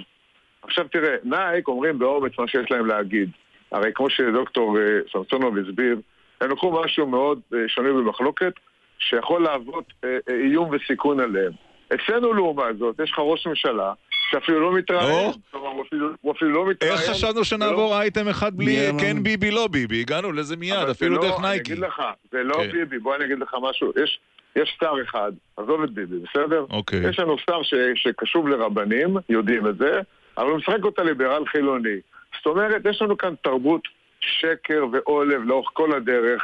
אין אצלנו מנהיגות נייק, פספסתי, אלא מנהיגות מי זה הליברל? טוב, אבל, אה, גיל, אבל אתה יודע מה, לא, בוא... הכוונה בוא- לבנט, לא? אה, אוקיי, אוקיי. אבל בוא נדבר. גיל, אפרופו העניין הזה, האם באמת יש קשר בין תרבות של מדינה לבין ה- המסע הפרסום שלה? זאת אומרת, נייקי מכוונת בסוף לקהל מאוד מסוים בארצות הברית. בארץ, כשאתה, כמה, אה, שמונה מיליון אנשים, אתה לא יכול להרשות לעצמך, אתה לא יכול כן, לחיות אף אחד לא בלי ניסה, לפנות למה? אף אחד לכולם. לא ניסה. היית מנסה, אני אחדד את השאלה של עמית, היית מנסה דבר כזה בישראל, סמסונוב? אני אגיד לכם אה, נורא פשוט, לפני השידור ניסיתי לבדוק האם היה בארצות הברית או בארץ ד- דוגמה כזאת, אז אני אומר לכם, לא היה. היו כל מיני דוגמאות של בנטון עם מנהיגי עולם מתנשקים, והיו עוד כל מיני דוגמאות אחרות, בארץ בטח לא היה, אבל אני אגיד לכם יותר מזה. אני בוודאי לא הייתי עושה דבר כזה. יותר מזה אני אגיד לכם, שאם היה אה, כוכב ישראלי שהיה, אה, שהיה קורע ברך בזמן ההמנון הישראלי כמחאה נגד ישראל, אז בוודאי, לא רק שלא הייתי לוקח אותו, גם לא הייתי קונה ממנו, לא הייתי קונה גם את המותג הזה. עכשיו אני אסביר לכם אבל למה הדיון הוא בכלל לא ערכי. נכון. אפשר לחשוב שנייקי באמת ערכים, היא רוצה להסיט תשואה למשקיעי. המניות שלה. אז תרשו לי לתת לכם כמה מספרים. ברשותכם, קצת מספרים על מעט. הקוחות שלנו ב- על הקו. רדיו לא אה, אוהב הרבה מספרים, קח שניים. אני יודע, אבל אם יבינו אותנו שאני אגיד את זה שיש שבעה וחצי מיליארד איש בעולם, מתוכם יש כמיליון, מאה מיליון, מאה חמישים מיליון, נניח אמריקאים, רפובליקאים, אה, שמרנים, בסדר? הרוב המוחלט בעולם, אה, לצערנו, אנחנו, למ- למעט ישראל אגב, אה, היום הם אה, נגד ארצות הברית, בוודאי נגד טראמפ.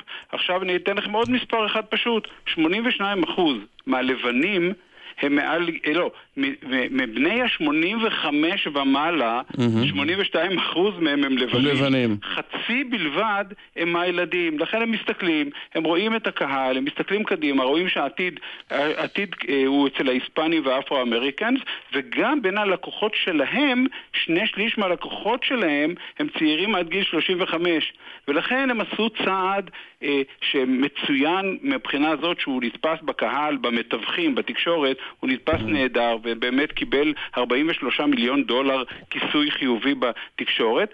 המניה של, ה... של, ה... אה, של נייק ירדה בהתחלה בצורה דרמטית, היא כבר חזרה מאז, והמניות, ו... ו... ולהגיד לכם שורה תחתונה על הצעד המוסרי, היה להם עלייה של 30% ב Labor Day. כן. אפשר לומר יותר שזה? הרבה, יפה. אה, אודי פרידן, שאלה אחרונה לסיום. יש לי עוד שאלה אחרי האחרונה. אה, אוקיי, אז אחרונה- לא. אחרונה שלי. כן. אה, אני כן חושב על אה, דבר דומה שקרה בארץ, לא לפני הרבה זמן. שורה של חברות גדולות במשק פרסמו מודעות והביעו תמיכה במחאה של אה, הקהילה הלהט"בית, למרות שאולי היה חשש שהם ירגיזו את הציבור היותר שמרני. אז הנה, זה קורה גם פה. רציתי, רציתי להשתמש בדוגמה של הקהילה הלהט"בית, אבל תראה, גם שם יש אה, פייק מסוים, כי החברות זיהו שזה קצת politically correct וקצת אין לאהוד אותם, ואז הם אהדו אותם. הם לא תראה, לקחו סיכונים, אתה אומר. אז זהו, מה אנחנו למדים אבל מהסקירה המאלפת של אה, גיל? שתתיישר שבשבת מה האנשים רוצים, תן להם את מה שהם רוצים.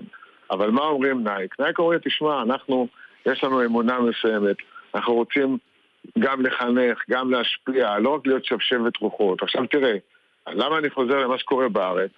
כי כל העניין של לתת את ההצהרות שלך, של המדינאים, של המנהיגים, בהתאם לתפיסת דעת הקהל, הרי אתה לא אומר מה אתה מאמין באמת.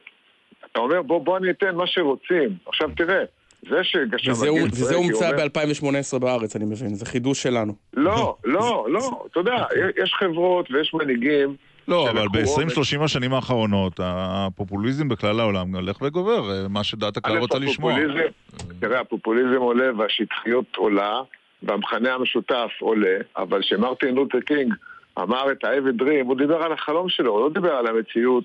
שהייתה קשה ואפורה. אנחנו כבר הגענו אבל- לשם. אבל- אבל. זה ככה, זה ככה. אוקיי. אתה לא מבין שהכל פה נהיה just say it במקום just do it. לפני שניפרד, השאלה האחרונה שלי, סגרתם כבר עם איזה מפלגות לקראת הבחירות הבאות עלינו בטובה ב-2019? אודי? גיל? אני לא מתכוון, אני לא מתכוון לעסוק בתעמולה פוליטית יותר. אה, באמת? הספיק לך, הגיע לך עד פה עם פרס עשית, 96 נכון? לא, וכחלון כולה- וברק, מי לא? כולנו. כן. הגיע לי, הגיע לי, הגיע לי, כמו שאתה אומר, עד כאן, ואני מעדיף לשים את הנייק על הרגליים, אוקיי. וג'סדו את לרוץ בפארק. סמסונוב, סגרת עם איזה מפלגה? עם איזה מפלגה, באמת אפשר לחשוב. או בלי אמר- או כלום. עמית, אני מבקש לך לתת כבוד למרואיינים. זה נכון, אתה אמ, צודק. סליחה, דוקטור אני סמסונוב. כבר אמרתי הרבה פעמים לא, ועשיתי כן, אז אני לא רוצה להתחייב, אבל ממש אין לי כוונה לעשות בחירות. טוב, רשמנו לפנינו. אתה יכול, אתה יכול ממש להגיד עכשיו שלא יהיה כלום כי לא היה כלום. בדיוק. אה, לא היה, לא היה, אך לא יהיה. אה, היה מעניין לשוחח איתכם, אודי פרידן. דוקטור גיל סמסונוב, תודה פרסומאים, רבה. תודה רבה לשניכם. בוקר טוב לכם.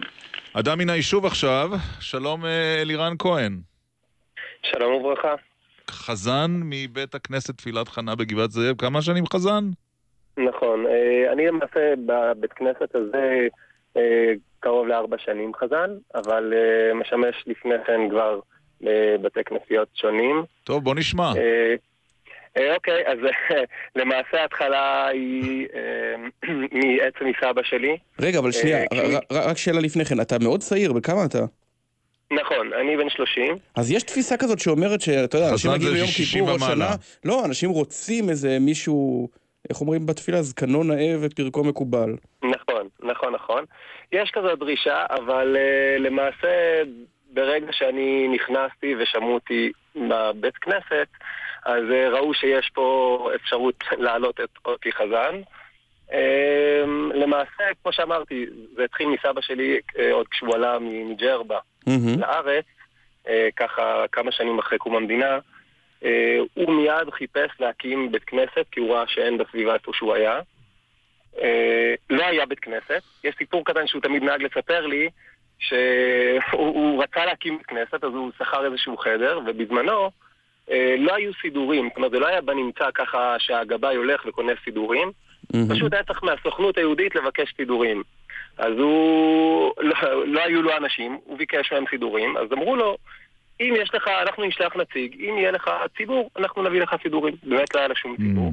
אוקיי. הוא פתח שם שולחן, שם כיבוד, הביא אנשים מהרחוב, כשהגיע הנציג באמת ראה הרבה אנשים. אז באמת אה, נתנו לו סידורים. מאז אני זוכר את עצמי בתור ילד, כמובן שנים אחרי, צמוד אליו, הוא פשוט היה עושה הכל. זאת אומרת, חזן, תוקע, אה, קורא בתורה, ואני הייתי צמוד אליו. אתה גם תקעת הייתי- בשופר? אתה גם תוקע? נכון, כן? נכון, נכון, אני גם תוקע, כן. קרה שפספסת איזה שברים או תרועה? אמ, זה- ברוך זה- השם למעשה, לא קרה לי ממש. תמיד תקעה. חשבתי, מה יש- מרגיש שאתה תוקע כשהוא מפספס? מה. קרה לך ש... כולם עומדים אה, ומחכים וממתינים, ואז נכון. כל נכון, יש חריקה. יוצא מה... חריקה דלה. נכון, יש, יש את החריקות האלה, אבל uh, לשמחתי לא קרה לי שממש נתקעתי ונאלצתי לעצור הרבה זמן. קרה לך חריקות- ש- שהצטרדת לפני אה, ערב כן. הימים הנוראים? נכון, לא כן? לפני. אה, לא, לא לפני ממש, אבל זה קורה, קרה לי שנה שעברה ביום השני של ראש השנה, שאתה ניגש לתפילה ופתאום אתה מרגיש שהגרון שלך לא מתפקד. אה, כן, לא היה לי איזשהו מחליף ככה... אז מה עושים? מה. בלחישה? אתה המשכת בלחישה או עם קול של בדיוק צפרדע? ככה, מנסים... ואין בדיוק פלייבק. ככה, מנסים אה, איכשהו להמשיך, מנסים לגייס את כל הכוחות. אין ממלא מעבר מקום חזן? מישהו שנמצא בכוננות למקרה שהחזן מושבת? יש- לא, יש ממלא מקום, יש אה, מישהו שהוא בעצם נקרא סומך, שהוא עושה חלקים, כלומר החזן לא יכול הגיבוי. כל החלקים, הגיבוי, אבל הוא לא יכול להפוך אה, לגמרי למישהו שהוא משלים את כל מה שהחזן יפה, עכשיו. תגיד לנו, אתה, אתה בעצם בסגנון אה, עדות המזרח. אה, כן. תמיד יש את המתח הזה שהמצד אחד המתפלל רוצה לשמוע את המנגינות המוכרות שהוא מכיר מ-40 שנה, אבל החזן בא ורוצה לתת את ה number שלו, משהו חדש. איפה אתה ב... בהתלבטות הזאת? אה, אז ככה, למע- למעשה אני חושב ששליח ציבור הוא יותר, התפקיד שלו יותר, בשונה מזמר או ממישהו שבא לתת הופעה, הוא בעצם, התפקיד שלו בעיקר, והמטרה שלו זה לחבר את הציבור אל התפילה. כי תפילה למעשה היא לא משהו שהוא הופעה שהציבור בא לשמוע מהחזן וליהנות. כמובן הוא בא ליהנות מחזן בעל קול יפה, אבל התפילה בעיקר נאמרת על ידי כל הציבור. החזן, התפקיד שלו הוא בעצם להוביל ולכוון את הציבור ולחבר אותו אל התפילה. טוב, בוא נשמע. כן, מה אחרי שדיברנו? נו. מה- מה- מה תיתן? קדימה, תן לנו... מה, אוקיי, אז אה, ניתן אה, משהו שהוא אני מאוד אוהב, אה, לך אלי שלפני יום כיפור. בביצועך אנחנו רוצים לשמוע. כן, בוא נשמע. אה, אוקיי. אה, אוקיי, קדימה. אז אני, אני, אז אני, אני אשתדל לעשות משהו בבקשה, קצר. הנה. לך אלי תשוקתי, מכך אשקי ואהבתי, מחיי לך רגלי.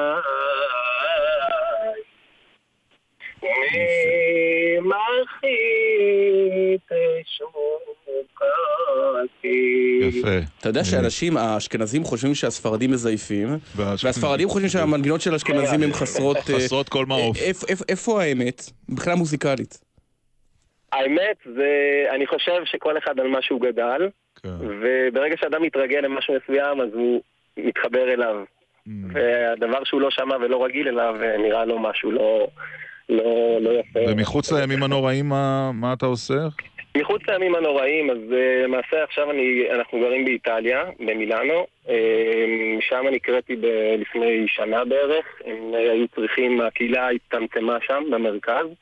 והיו גם צריכים חזן, קורא בתורה, מישהו שיצור יפה. שיעורים קצת. אז, uh, אז- כרגע זה מה תגיד, ויש, אה, סליחה על השאלה, בימים הנוראים, אבל אה, יראת שמיים יש? כסף?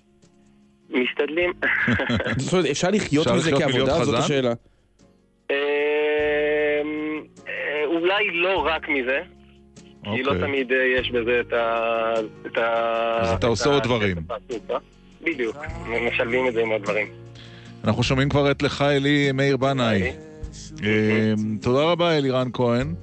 חזן בית הכנסת תפילת חנה בגבעת זאב, אדם מן היישוב. ובמילאנו. וגם במילאנו. גמר חתימה גמר טובה. חתימה טובה. להתראות. אה, סיימנו. סיימנו. אנחנו, כן, נשתמע היום למחרת יום כיפור. ערך את התוכנית הזו אילן ליאור. הפיקו שיר עזרף אה, ומוריה יעקב. בירושלים קיקו נדב. אה, על הביצוע הטכני כאן מאיה יאונסיאן. ואחרינו... כן. ואחרינו? עורך הדיגיטל יובל נפתלייב, אחרינו ניצן הורוביץ ויועד הנדל עם מצד שני. גמר חתימה טובה. גמר חתימה טובה, נשוב בשבוע הבא. להתראות. תכונתי לך עצמי. לך דמי. ואורי. עם גבייתי